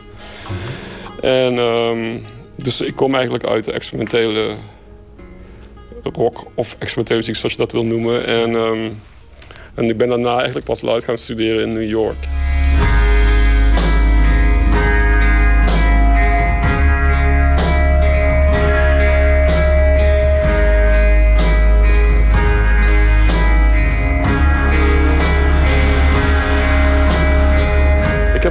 Heb ook wel eerst klassieke gitaar gestudeerd toen ik heel uh, jong was. Hmm. Toen ik elf was. En uh, zodoende ook ben ik in contact gekomen met luidstukken. Er was een boek dat heette Music from Shakespeare's Time. En dat was voor klassieke gitaar. En uh, getransponeerd, zoals dat dan heette. Hmm.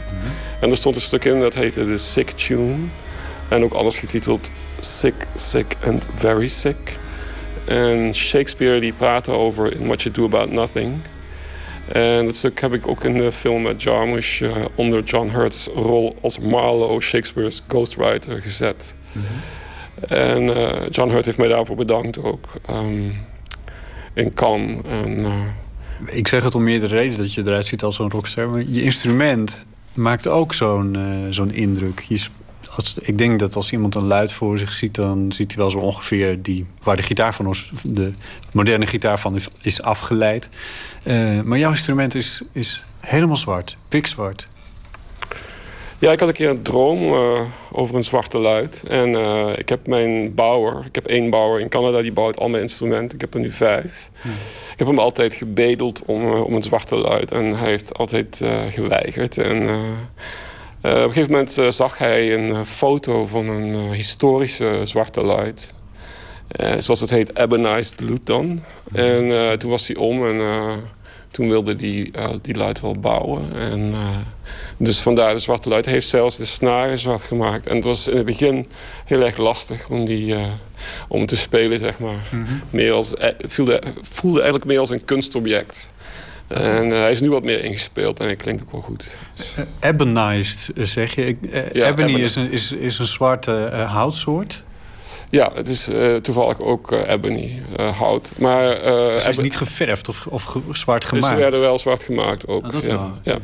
Ja. ja. En is het, een, is het een bijzonder instrument waar je, waar je op speelt? Even los van dat, dat hij die speciale kleur heeft? Nou, het is een 14 koor geluid. Komt niet vaak voor. Meestal heb je 13 koorige barokluiden. Wat is dat? Uh, koren zijn snaren, dat uh, dubbele snaren. Hm. Ja. Dus dat betekent dat hij uh, met de enkele, de hoogste snaar die enkel is, heeft hij dan, wat is het, 26 snaren of zo. Dat is een hoop, veel stemmen hè, de hele tijd. Ja, dat lijkt me, ja. ja.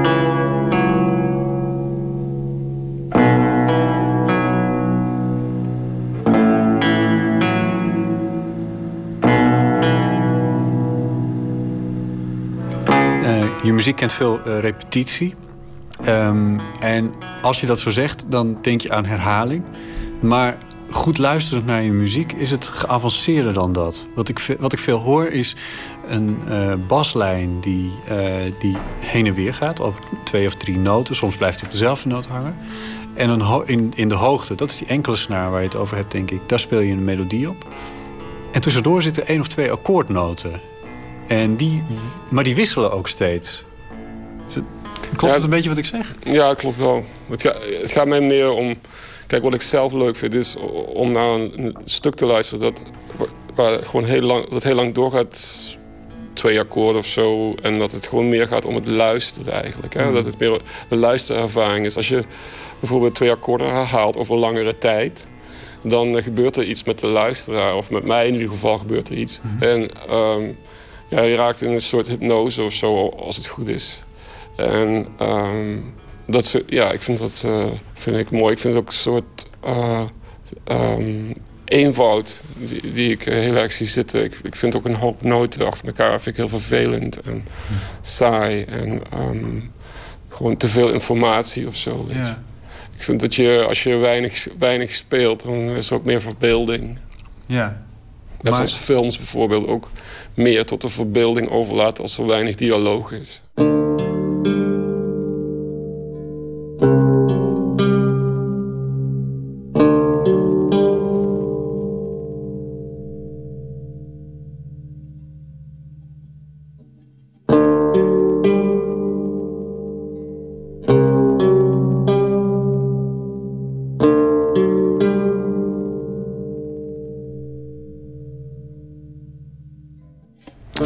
Die state of mind, het is gewoon eigenlijk hetzelfde als in de middeleeuwen. Waar ook eigenlijk reizende muzikanten die overal naartoe gingen en uh, luid speelden. Je kon hem luid makkelijk te paard meenemen bijvoorbeeld. Dus en, eh, al die stijlen van verschillende landen die beïnvloeden elkaar. En je ziet ook dat dezelfde stukken in, dezelfde landen, in andere landen opduiken. Maar wat ook een onderdeel daarvan is, is het reizen. En de meeste mensen hebben zo'n idee van als je muzikant bent, heb je echt zo'n... Uh, zo'n mooi leven. Dan heb je een fantastische uur op het podium en zo. Maar ze zien niet de tijd er naartoe. Hè? Want je, mhm. je bent ook de hele tijd aan het reizen. En het mogelijk te maken om daar te zijn. En voor mij is dat net zo belangrijk als het spelen zelf. Dus ik ben, als ik al vertrek, als ik al op het vliegveld sta of zo... en ik ga ergens heen om te spelen... dan begint voor mij al eigenlijk de performance.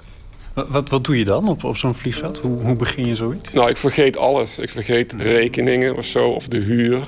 Mhm. Of uh, nou, misschien ook wel... Uh, de relatie of zo, waar je op dat moment uh, heel erg mee bezig bent. Of zo, dat valt allemaal van je af zo. En uh, ja, je wordt dan getransporteerd naar, naar een ander plateau eigenlijk. En dat begint voor mij als ik begin te reizen.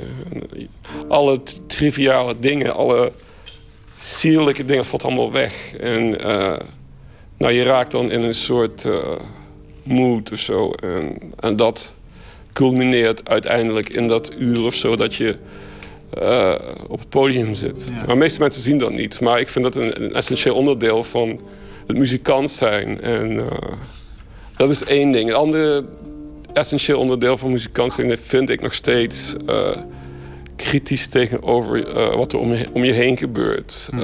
zijn.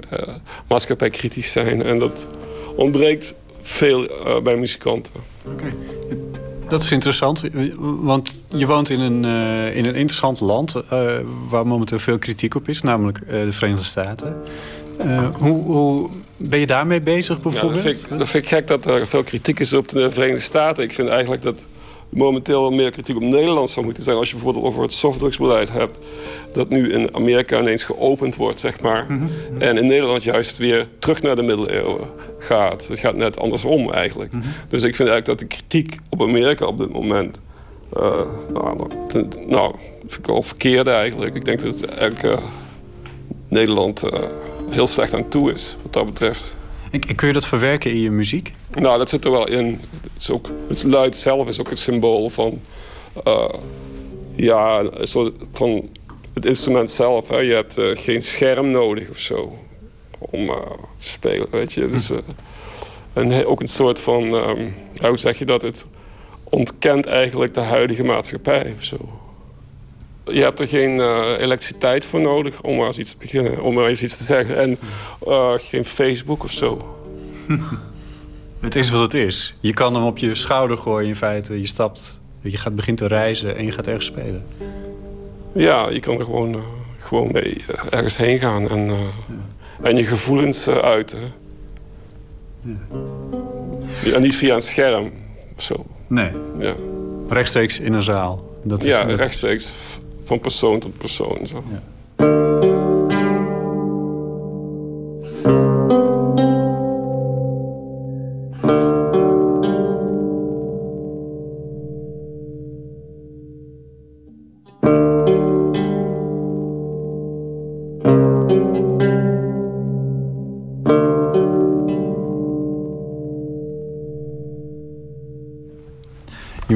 In de film uh, Only Lovers Left Alive. die heb je gemaakt met een vriend van je. De regisseur is, een, uh, is ook een, een, een, orkestlid van een band waar je speelt. Hoe moet ik het precies zeggen? Je treedt met hem op. Ja, we hebben een duo en een trio. En uh, we zijn vrienden en zo. En, ja, dus het gaat alle kanten op. je liet vallen dat je graag met, met vrienden optreedt. Uh, ja, voor mij is muziek maken nog steeds ook een avontuur. Dat eigenlijk zo begon als, uh, ja, als kleine jongen. Heb je zo'n jongensavontuur idee over muziek maken met je vrienden. En dat is het nog steeds voor mij eigenlijk. Het is niet veranderd of zo. Hmm. En uh, dat wil ik ook zo houden. En dat je ook zeg maar weer de verbeeldingskracht, avontuurlijkheid... dat dat in de muziek te horen is. En dat je dat ook deelt met mensen. En dat je een soort idee hebt van dat je uh, wij tegen de wereld of zo hebt. Als, als, als, een, als een band zijn. Ik denk dat Jim dat ook leuk vindt, omdat hij altijd honderden mensen moet uh, zeggen wat ze moeten doen of zo. Hè? Als filmdirecteur, dan ben je heel erg bezig met uh, allerlei dingen te regelen en zo. En dit is gewoon drie jongens die gewoon in een, in een auto stappen en dan samen een goede tijd hebben op het podium staan. En dan, ja, dat is toch een ander idee dan film maken. En is, is zo'n film een goed podium voor je om je muziek te laten horen? Ik, ik vind het wel. Ik denk dat het nu in deze tijd heel belangrijk is dat je als muzikant of componist met film werkt. Omdat ik eigenlijk denk ik heb dat het de enige vorm is die over, overleeft. Hm. Ik denk niet dat uh, cd's of lp's of uh, streams dat dat overleeft. Ik denk dat alleen beeld overleeft in combinatie met muziek laten we zeggen, over 100 jaar of zo. Vind je dat er genoeg waardering voor is? Voor, uh, voor zo'n film en voor die muziek? Je hebt een award gewonnen in Cannes, maar op, op, op de site van het Cannes Filmfestival staat bijvoorbeeld niet dat er een, een, een soundtrack award is. Dat, dat... Nee, het is een, een prijs die, uh, uh, die ook wordt uitgedeeld daar tijdens het festival. Ja, maar niet op het hoofdpodium. Nee, niet op het hoofdpodium, maar het is wel een officiële prijs. En ik heb er wel al heel veel goede reacties op gehad. Ik vind ook de film staat heel erg aan. Er zijn heel veel bezoekers. Er waren in Duitsland al iets van 50.000 bezoekers in één week. Uh, dus het is geen arthouse film meer eigenlijk. Hmm. En uh, nou, het, het, begint echt... Hij is nog niet eens uit in de States, die film. Hij is pas hier in Europa uit. Dus ja, ik vind dat er wel genoeg aandacht over is. En de mensen zijn heel enthousiast. En zeker over de muziek. En ja, ik merk het zelf ook veel, ik word ook opgewacht en zo nu. dus, Hoe ziet dat eruit? Of dat, zo, of dat nou zo leuk is. Maar... ja, je, dan ben je toch weer een rockster ineens. Ja, dat zijn, ja, dat zijn jouw woorden. ja, ja. ja. Dankjewel, Joost.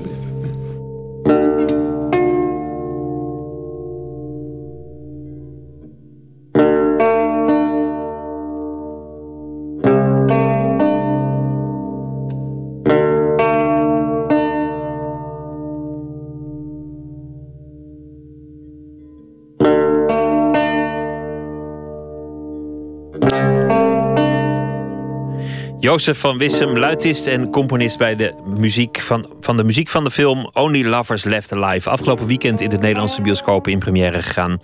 Hij is nog even in Nederland. Hij treedt op 16 februari op in Nijmegen in Lux. En in de loop van dit jaar verschijnt een album met gelauwerde soundtracks van de gelauwerde soundtrack van deze film. We gaan verder met de Ierse zangeres Lisa Hannigan. Van haar verscheen in 2011 de CD Passenger. En daarop staat een duet met de Amerikaanse zanger Ray LaMontagne. Het is een ode aan de slaap. Oh Sleep heet het dan ook.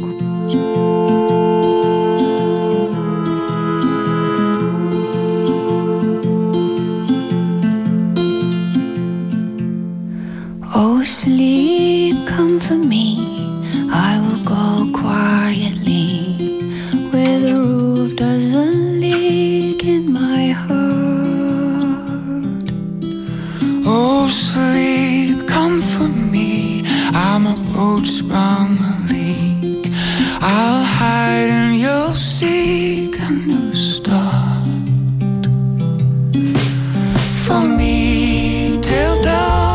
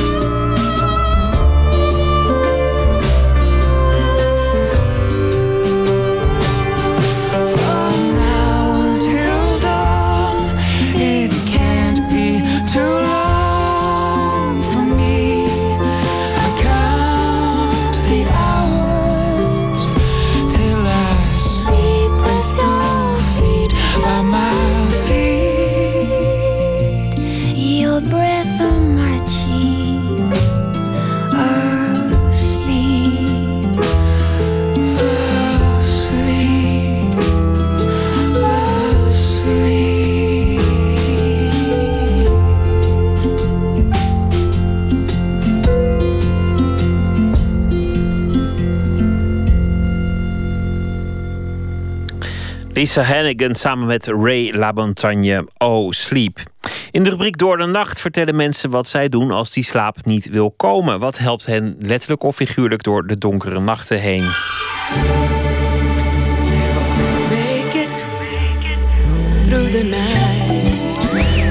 En dat hoort u vannacht van monumentaal tekenaar en animator Robbie Cornelissen.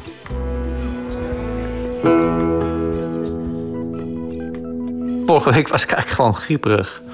Dat kan ook gebeuren. Hè? Dan lig je drie dagen in, in bed en uh, denk je van... Uh, shit, komt helemaal niet uit. Maar uiteindelijk, toen ik me er eenmaal aan overgegeven had... was het eigenlijk wel een heel fijn moment om uh, na een paar maanden knalhard werken... gewoon eigenlijk eens drie dagen op een bed te liggen. Maar ja, wat krijg je als je een hele dag op bed ligt? Dat je s'avonds gewoon niet kan slapen. Want je ligt eigenlijk gewoon te lang op dat bed. En dus doe, doe je zo'n tukje en je... Nou, kortom, ik kwam die nacht uh, vorige week, ik weet niet welke nacht het was, donderdag, denk ik. Uh, kwam ik eigenlijk uh, niet door. En ik ben begonnen in een, in een boek wat ik de week daarvoor in een boekwinkel zomaar op een, op een plek zag staan. Dat ik dacht van dat boek, dat wil ik eigenlijk wel graag lezen. En het was het boek, moet even kijken hoe het heet. Piero's Light heet het, van Larry Whittam. En Piero, Piero het licht van Piero gaat over de uh, ja, schilder, tekenaar, uh, mathematicus. Een van de uitvinders van het, van het perspectief. Piero della Francesca is een kunstenaar die eigenlijk uh, al mijn hele leven bij mij terugkomt. Ooit 30, 35 jaar geleden begonnen in Italië. toen ik zijn werk ergens gezien heb. En het leven van Piero della Francesca heeft mij de afgelopen week weer even in de ban genomen.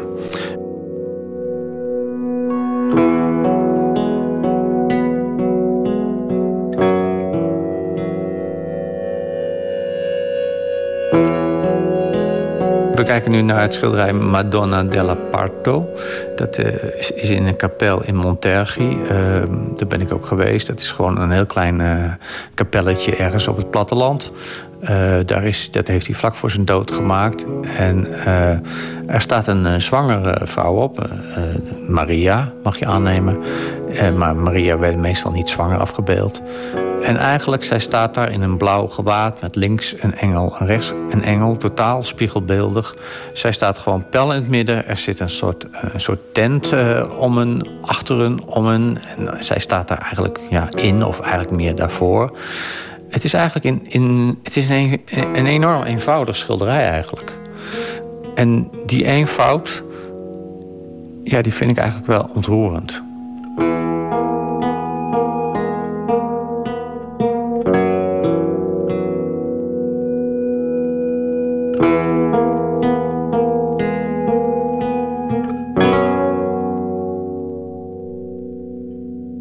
Ja, het, het, vreemde is dat ik, Piero is een schilder en ik ben een tekenaar. En er zit een, een, eh, een prachtige, uh, heldere lichtval in. Ik denk dat ik daar het licht, het Italiaanse licht, heeft hij zo mooi. Dat, en, en, er zit, en het is relatief eenvoudig gebleven. Eigenlijk allemaal dingen die ik niet ben. Eerlijk gezegd. Ten eerste ben ik, werk ik niet met kleur, dus ik werk in zwart-wit. En ik ben eigenlijk wel redelijk gecompliceerd in mijn werk. Ik ben heel erg in de details. Dus die vereenvoudiging die hij toepast, vind ik wel interessant.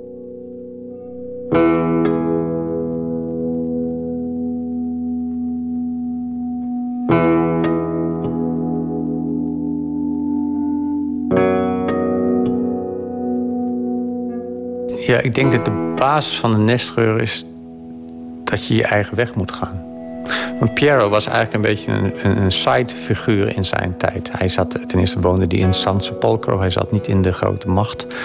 En uit het verhaal komt heel erg sterk naar voren dat hij... Uh, in, in, dat hij zijn eigen weg gegaan is en dat hij zijn eigen weg gemaakt heeft. En hij is op een gegeven moment na uh, zijn dood, is hij ook 350 jaar helemaal uit de picture verdwenen.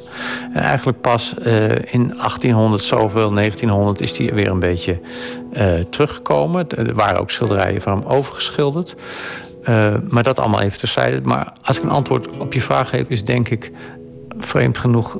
Het gaat dus niet eens direct alleen over het werk. Het gaat eigenlijk over de houding die je moet hebben als kunstenaar of als mens die mij aanspreekt. Dat je namelijk gewoon heel sterk je eigen weg moet volgen, soms dwars tegen de tijd in, om uh, de dingen te doen die voor jou voor belang zijn.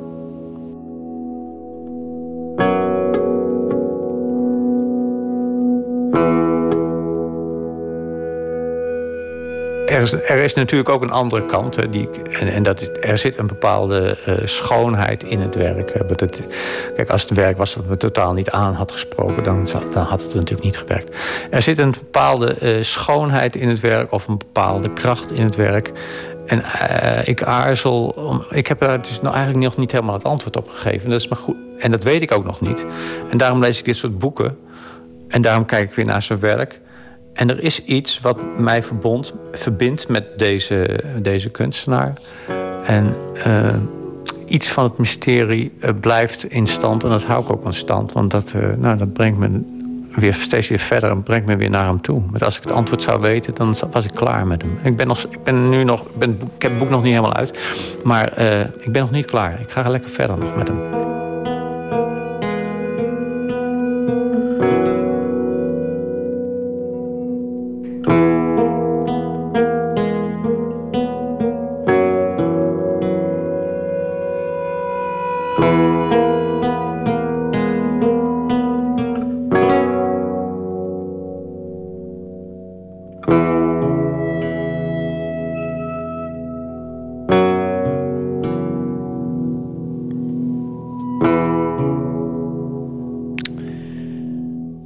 Tips om de nacht door te komen van monumentaal tekenaar en animator Robbie Cornelissen.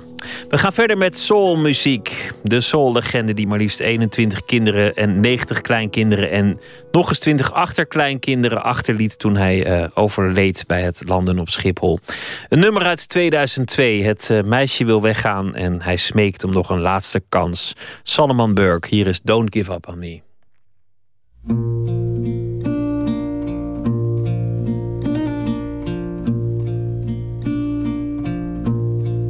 If I fall short, if I don't make the grade, if your expectations aren't met in me today, there's always tomorrow. Or tomorrow night. Hanging there, baby sooner or later, I know I'll get it right. Please don't give up on me. Oh, please don't give up on me. I know it's late, late in the game. But my feelings, my true feelings, haven't changed. Here in my heart,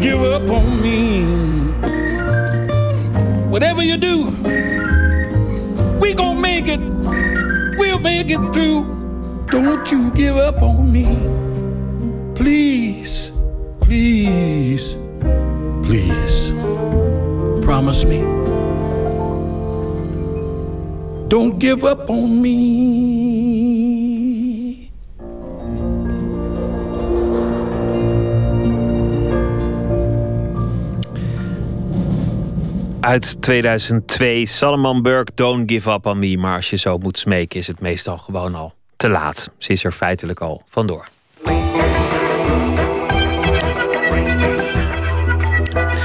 U luistert naar Nooit meer slapen van de VPRO.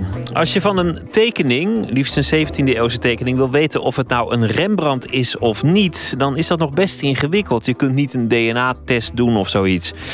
Om een Rembrandt te herkennen moet je heel veel ervaring daarin hebben. Je moet heel veel gekeken en vergeleken hebben. Op een tentoonstelling in het Rembrandthuis wordt uitgelegd hoe je dat eigenlijk doet. Het herkennen van een Rembrandt. Gijsbert van der Wal ging er kijken en sprak met de samensteller Peter Schatborn. Kijk, op deze tekening zie je de man met zijn beide armen op een, eh, op een tafel of op een deur, in een deuropening. En eh, hij is met hele felle penlijnen getekend. Die hele losse schetsmatige stijl en het gezicht heel precies. Nou, dat is heel karakteristiek voor Rembrandt. En die tekening, die, eh, die werd ons een reproductie van toegestuurd. De mevrouw die die tekening bezat in Duitsland... die was ermee naar het postkantoor gegaan... had hem op het kopieerapparaat gelegd... en stuurde ons de reproductie en vroeg... is het een Rembrandt? Volgens mij niet, zei zij erbij. En toen hebben we gevraagd of we die tekening niet, konden zien. En toen uh, is hij via een expediteur in Amsterdam gekomen. En toen waren we eigenlijk al vrij snel... kregen we het vermoeden dat het wel een echte Rembrandt zou kunnen zijn.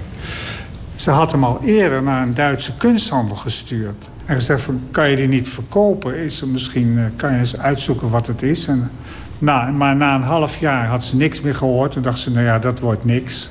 Ik haal hem weer terug, want het heeft geen zin dat hij daar bij die man ligt. Als die man verstandig was geweest... had hij hem natuurlijk naar iemand als ik of een ander expert gestuurd... en die had een studie van gemaakt. En een Rembrandt ontdekt. En dan waren ze erachter gekomen, tenminste, dat neem ik aan... dat het een Rembrandt was. En dan had hij er zijn profijt mee kunnen hebben. dat is nog een grappig, hè? Rembrandt of niet, dat is de kwestie. En dat is ook de titel van een tentoonstelling die op dit moment te zien is in Museum het Rembrandthuis in Amsterdam. Een tentoonstelling over het toeschrijven van 17e-eeuwse tekeningen. Meestal uit de omgeving van Rembrandt.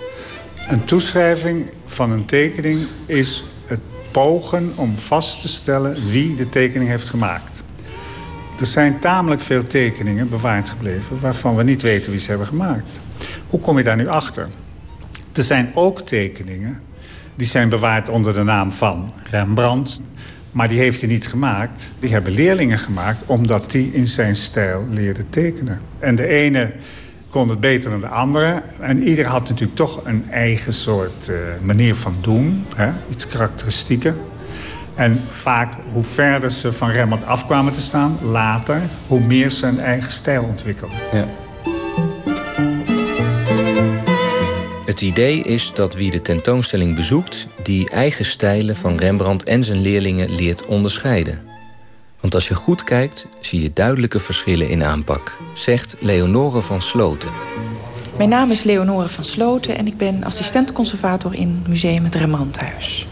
Wat bijzonder is aan de tentoonstelling, denk ik, is uh, dat er toch een grote groep tekeningen is die Rembrandtiek zijn. Hè? Een groot gedeelte heeft vroeger ook Rembrandt geheten. En aangezien ze nu met de toeschrijvingen van Peter Schatborn ook gegroepeerd per kunstenaar hangen, zal de bezoeker ook gaandeweg en al kijkende zien dat inderdaad een groep tekeningen van Karel Fabricius een eigen stijl hebben. En de tekeningen van Arend de Gelder volkomen anders zijn in lijntjes en in inktgebruik en in intensiteit. En dat hoop ik dat bezoekers uh, uh, zullen ervaren. Dus dat het ene Rembrandtiek niet het andere Rembrandtiek is? Exact, exact. Alle tekeningen op de tentoonstelling zijn toeschrijvingen gedaan door, u hoorde hem net al even, Peter Schatborn. Peter Schatborn is uh, een van de uh, drie belangrijkste Rembrandt-specialisten in de wereld als het gaat om de tekeningen. Um, naast Holm Bevers in Berlijn en Martin Rolton Kies in, uh, in Londen. En Peter Schatborn is jarenlang hoofd van het prentenkabinet in Amsterdam geweest. En, in het Rijksmuseum? In het Rijksmuseum, exact. En uh, hij is ook jarenlang betrokken geweest bij het Rembrandthuis als bestuurslid. En heeft ook vaker samengewerkt met ons aan tentoonstellingen. And this whole group is probably by Jacob van Loo. While Ball's drawing is not, has not been preserved, but he must have used the drawing which he made while he was sitting next to the person, Jacob van Loo, who did this drawing. Al deze tekeningen heb ik in de 40 jaar dat ik heb gewerkt in het Rijksmuseum en later in Parijs bij de Fondation Custodia aan Rembrandt, aan Rembrandt en leerlingen, maar ook andere kunstenaars zijn hier vertegenwoordigd, toegeschreven. En nu ik dit allemaal nog een keer overzie, ben ik nog steeds met mezelf eens. Hoe vind je dat? Gebeurt het ook wel eens dat je je vergist? Dat je moet Ja. terugkomen op een toeschrijving die je eerder hebt gedaan? Ja, zeker. Maar als ik het eenmaal gepubliceerd heb, of ga publiceren... dan neem ik tijd om eigenlijk dat uit te sluiten. Maar ik moet toegeven dat ik in het begin van mijn eh, loopbaan bij het Rijksmuseum... wel eens een artikel heb geschreven... en dat ik uit ben gegaan van een tekening als zijnde een zekere Rembrandt... en dat het achteraf eigenlijk niet terecht was. En die heb ik nu aan Govert Flink toegeschreven. Voilà. En dat vind ik helemaal niet erg, want zo gaat het nou eenmaal. Je kan niet meteen in alles zeg maar zeggen, eh, weten hoe het zit.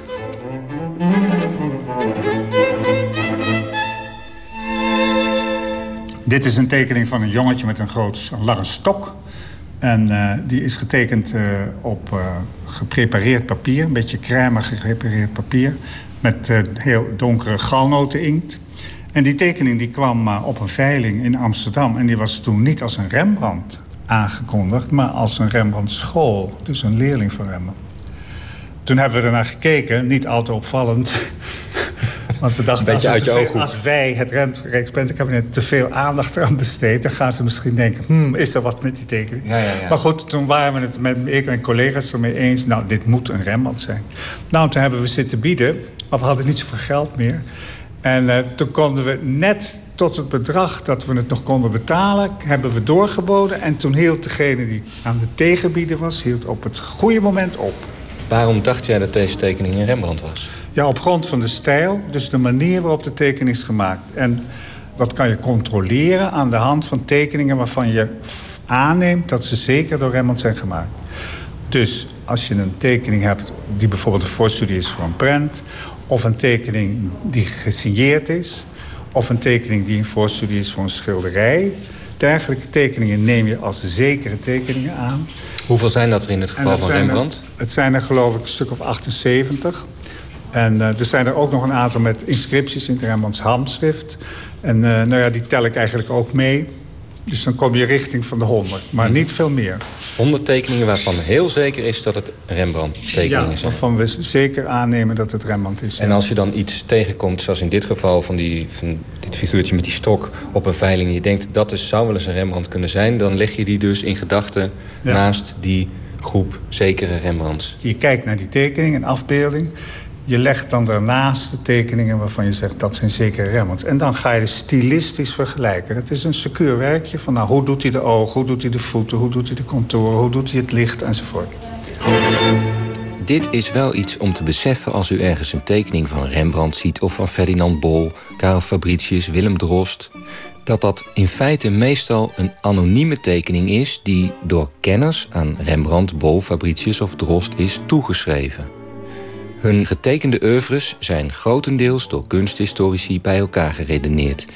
En het kan best zijn dat een tekening die nu van Bol is... 30 jaar geleden van Rembrandt was... en over 20 jaar, of zelfs nu al, door een andere kenner... met weer een andere kunstenaar in verband wordt gebracht. Ja, zo is het. Maar dat is nu eenmaal het geval. En ik vind het voor een tekst, als je teksten schrijft in een catalogus... vind ik het een beetje ja, belastend en eh, onaangenaam... om iedere keer maar te zeggen van misschien is het niet zo. Of, Snap je? Dus dat heb ik gewoon in de inleiding even duidelijk gezegd. Alle toeschrijvingen zijn hypotheses. Zijn nou ja, en, en in dit geval is het natuurlijk heel mooi... omdat het hele boek en de tentoonstelling gaan daarover. Over hoe je die, tot die hypotheses komt en hoe je die toeschrijvingen doet. Maar ik bedoel eigenlijk meer als je een overzicht ziet... of een boek van een 17e-eeuwse kunstenaar... en daar staan ook wat tekeningen in... dan weet je als leek eigenlijk niet of dat nou zeg maar de vaste...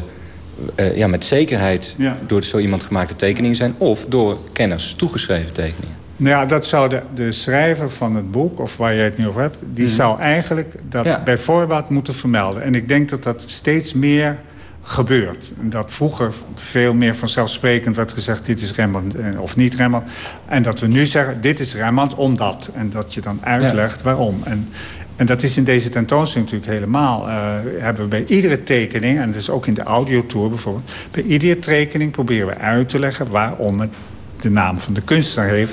waaronder die tekening hier wordt tentoongesteld.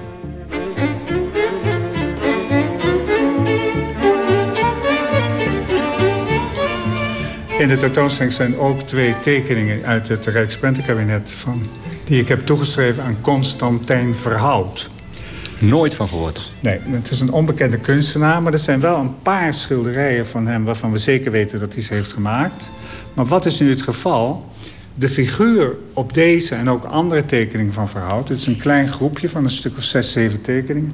is al door dezelfde jongen. Met dezelfde een beetje slierterige haren. Mhm. Met hetzelfde jakje aan, dezelfde knoopjes, dezelfde bondmuts. Die bondsmuts die hij op die ene tekening heeft... die staat precies zo op een schilderij van hem. Daar staat hij er ook op. Dus in dit geval is het niet een voorstudie van een schilderij... maar is het hetzelfde model dus nog een keertje, uh, er zijn schilderijen van Constantijn Verhout. Daarop komt een Model. jongen voor. En die jongen lijkt sprekend op een stel tekeningen... van wie je niet wist wie de maker was. Ja, die waren aan verschillende kunstenaars toegeschreven. Deze ene van die jongen op een bank... die was geloof ik door het prentenkabinet verworven als van Gabriel Metsu. En uh, nou past hij precies in dat rijtje tekeningen met dat model... dat op schilderijen van Verhout voorkomt. Dus dat vind ik dan een reden. Maar het is natuurlijk een andere manier van uh, redeneren. Want je kan ook denken...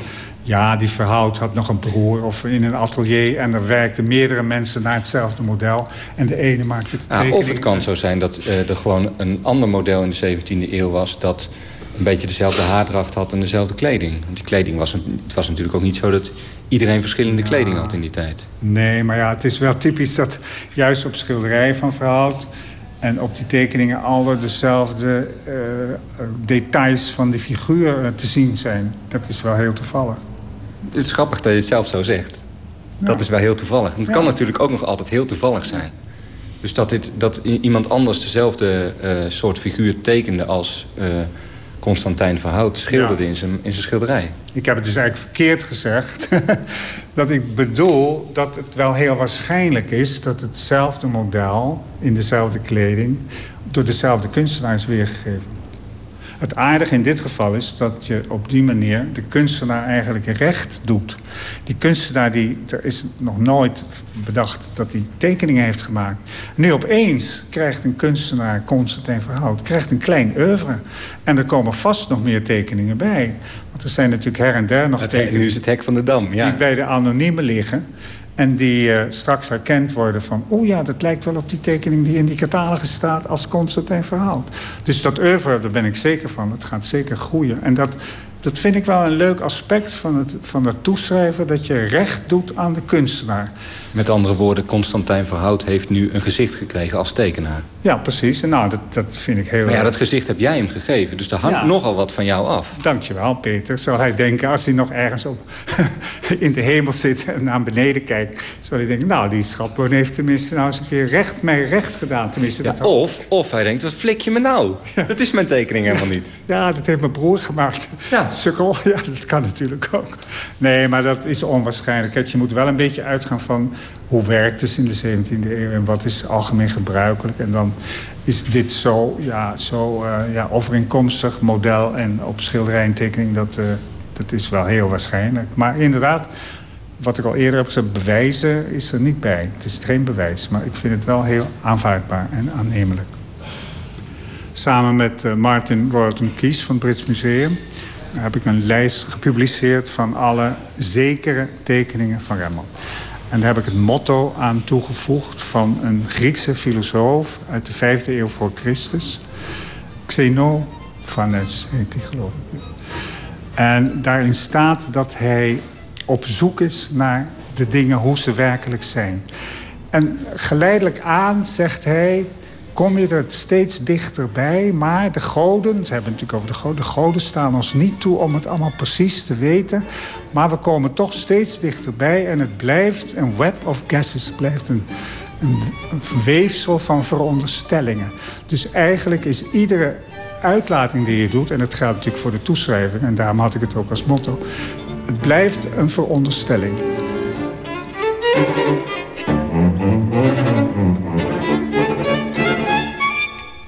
Gijsbert van der Wal hoorde u in gesprek met Peter Schatborn, de Rembrandt-kenner en samensteller van de tentoonstelling Rembrandt of niet.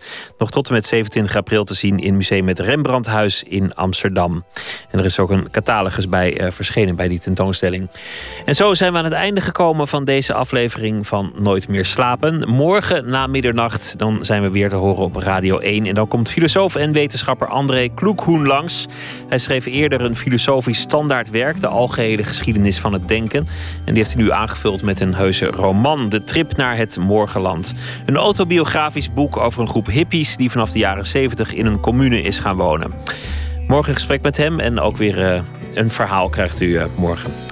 U kunt ons bereiken via de mail nooitmeerslapen.vpro.nl of via Twitter @vpro_nms. Straks op deze zender de oproep Wakker Nederland met het programma Nog Steeds Wakker. Ik wens u een hele mooie nacht en morgen een fijne dag.